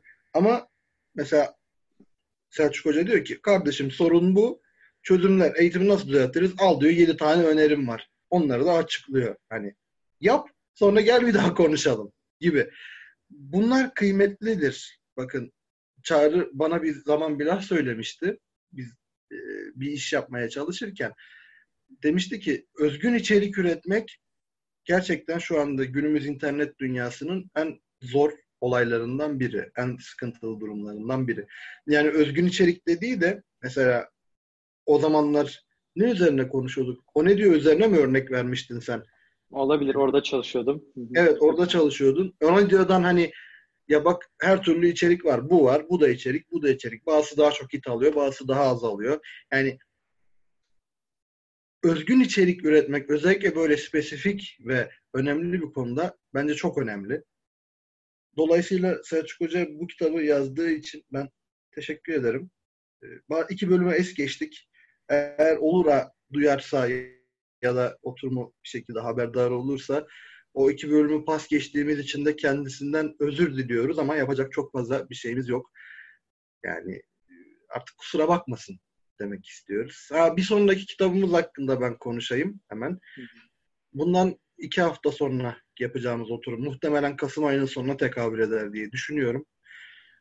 Sören Kierkegaard'ın İroni Kavramı isimli kitabı. Kitabı ben önerdim. Biraz çılgınlık yapalım istedim. Kitap Kierkegaard'ın doktora tezi aslında. O yüzden e, biraz zor olabilir okumak ama okuduğunuz zaman çok keyif alacağınızı ben taahhüt ediyorum. Alamazsanız Telegram grubumuz orada. Gruba girip bana yani söyleyebilirsiniz fikirlerinizi. Problem yok bunda. E, kitap Sokrat'ın yaz söylemlerinin üzerinde inşa edilmiş bir eser. İroninin ilk tarih sahnesine çıkışı gibi aslında ya da tanımlanması gibi. Kierkegaard varoluşçu bir psikoloji şey e, felsefeci diyeceğim hani kitabı okumadan belki mesela Sokrat'ın savunmasını okuyabilirsiniz. Çok ince bir kitaptır zaten. Hani bir saatte okuyabilirsiniz. Çok da basit bir kitaptır. Okunması da kolaydır. Diyaloglar halinde süre gider. Sokrat'ın son savunmasını mahkemedeki idama mahkum olmadan önceki son savunmasını anlatır. Yani faydalı olur diye düşünüyorum. Mükerrer olarak tekrar ettiğimiz üzere oturumlarımıza katılabilirsiniz. Bunun için gerek ve yeter şart belli. Telegram'a gelmek ve ben oturuma katılmak istiyorum demek. Telegram'a gelmem diyorsanız sosyal medya mecralarımızdan bize mesaj da atabilirsiniz, mail de atabilirsiniz. Hepsini zaten çağrı linklerini paylaşıyor sağ olsun. Ama benim artık pek ümidim kalmadı. Kimse gelmeyecek çağrı herhalde bizim bu oturumlarımıza. Aslında ya Telegram grubunda hevesli birkaç kişi çıktı da zamanları denk getirmek tabii çok kolay olmuyor. Çünkü biz evet. önceden bir tarih belirliyoruz. E, onda nasıl yapıyoruz? İşte Dişat, ben, Eren genelde üçümüz üçümüze or, ortak uyan bir zaman bulup ondan sonra duyuruyoruz şu zaman yapacağız diye. E, şimdiye kadar denk gelen olmadı ama sanki yakında olacak gibi geliyor. Belki biraz daha önceden belirlemeye başlarsak zamanı. Yani. E, ama tabii yani çok kolay değil çünkü işte hepimiz çalışıyoruz. Dişat bir de üstüne üniversite işine girişti. E, işte ben de çoluk çocuk falan böyle işte sen şehir dışına gidiyorsun hafta sonu. Evet. Yani hepimizde bir yoğunluk olduğu için de e, herkese denk düşürmek tabii kolay olmayabilir. Belki biraz daha şöyle bir şeye dönüşebiliriz bilmiyorum e, fikir olarak söyleyeyim. Belki önden sadece Telegram'a değil işte Twitter'da falan da bunu duyurup bilmiyorum canlı yayın mı? Canlı yayın belki biraz daha zor olur ama bir şekilde e, e, konuk alacaksak ben canlı yayına çok taraftar değilim.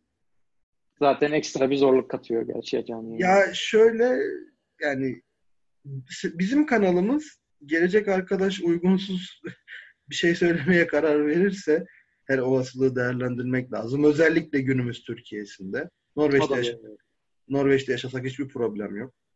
Yani Dolayısıyla evet, o yüzden ha, ama zamanı mesela duyurabiliriz canlı yayın yapmadan ama işte şu zaman buluşuyoruz.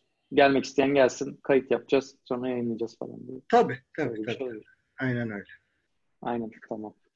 Ee, kapatmadan ben bir ufak duyuru yapayım. Ee, bir önceki oturumda çekiliş yapmıştı Eren. Ee, Kasım ayında okuyacağımız kitapları işte... Bayağı zorlandıktan sonra evet.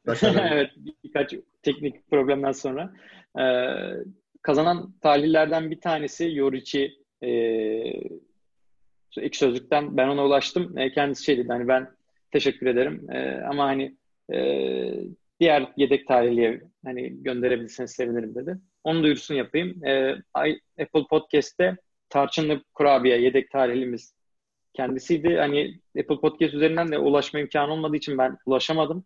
Hani kendisi bize e-mail at atabilir satır arası grubu, satir arası grubu at gmail.com ya da işte bizim Twitter, Instagram, Facebook, e, YouTube yani herhangi bir yerden Telegram'a da girip yazabilir. Bir yerden bize ulaşabilirse ona da kitabını göndermek isteriz. Tarçınlık Kurabiye'ye.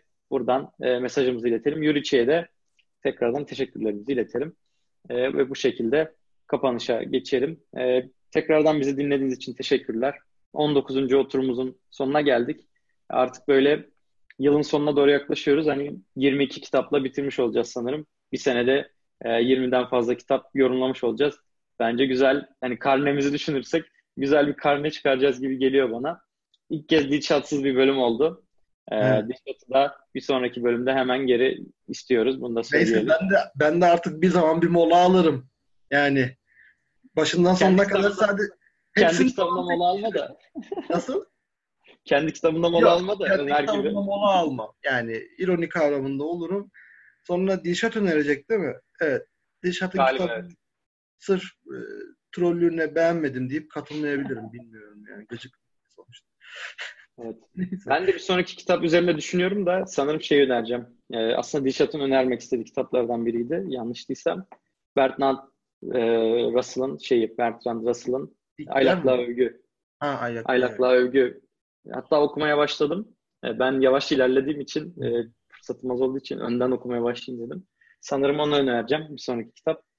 Aylaklı Övgü. E, yine biraz böyle e, felsefeye de dokunan, ekonomiye çok dokunan bir kitap.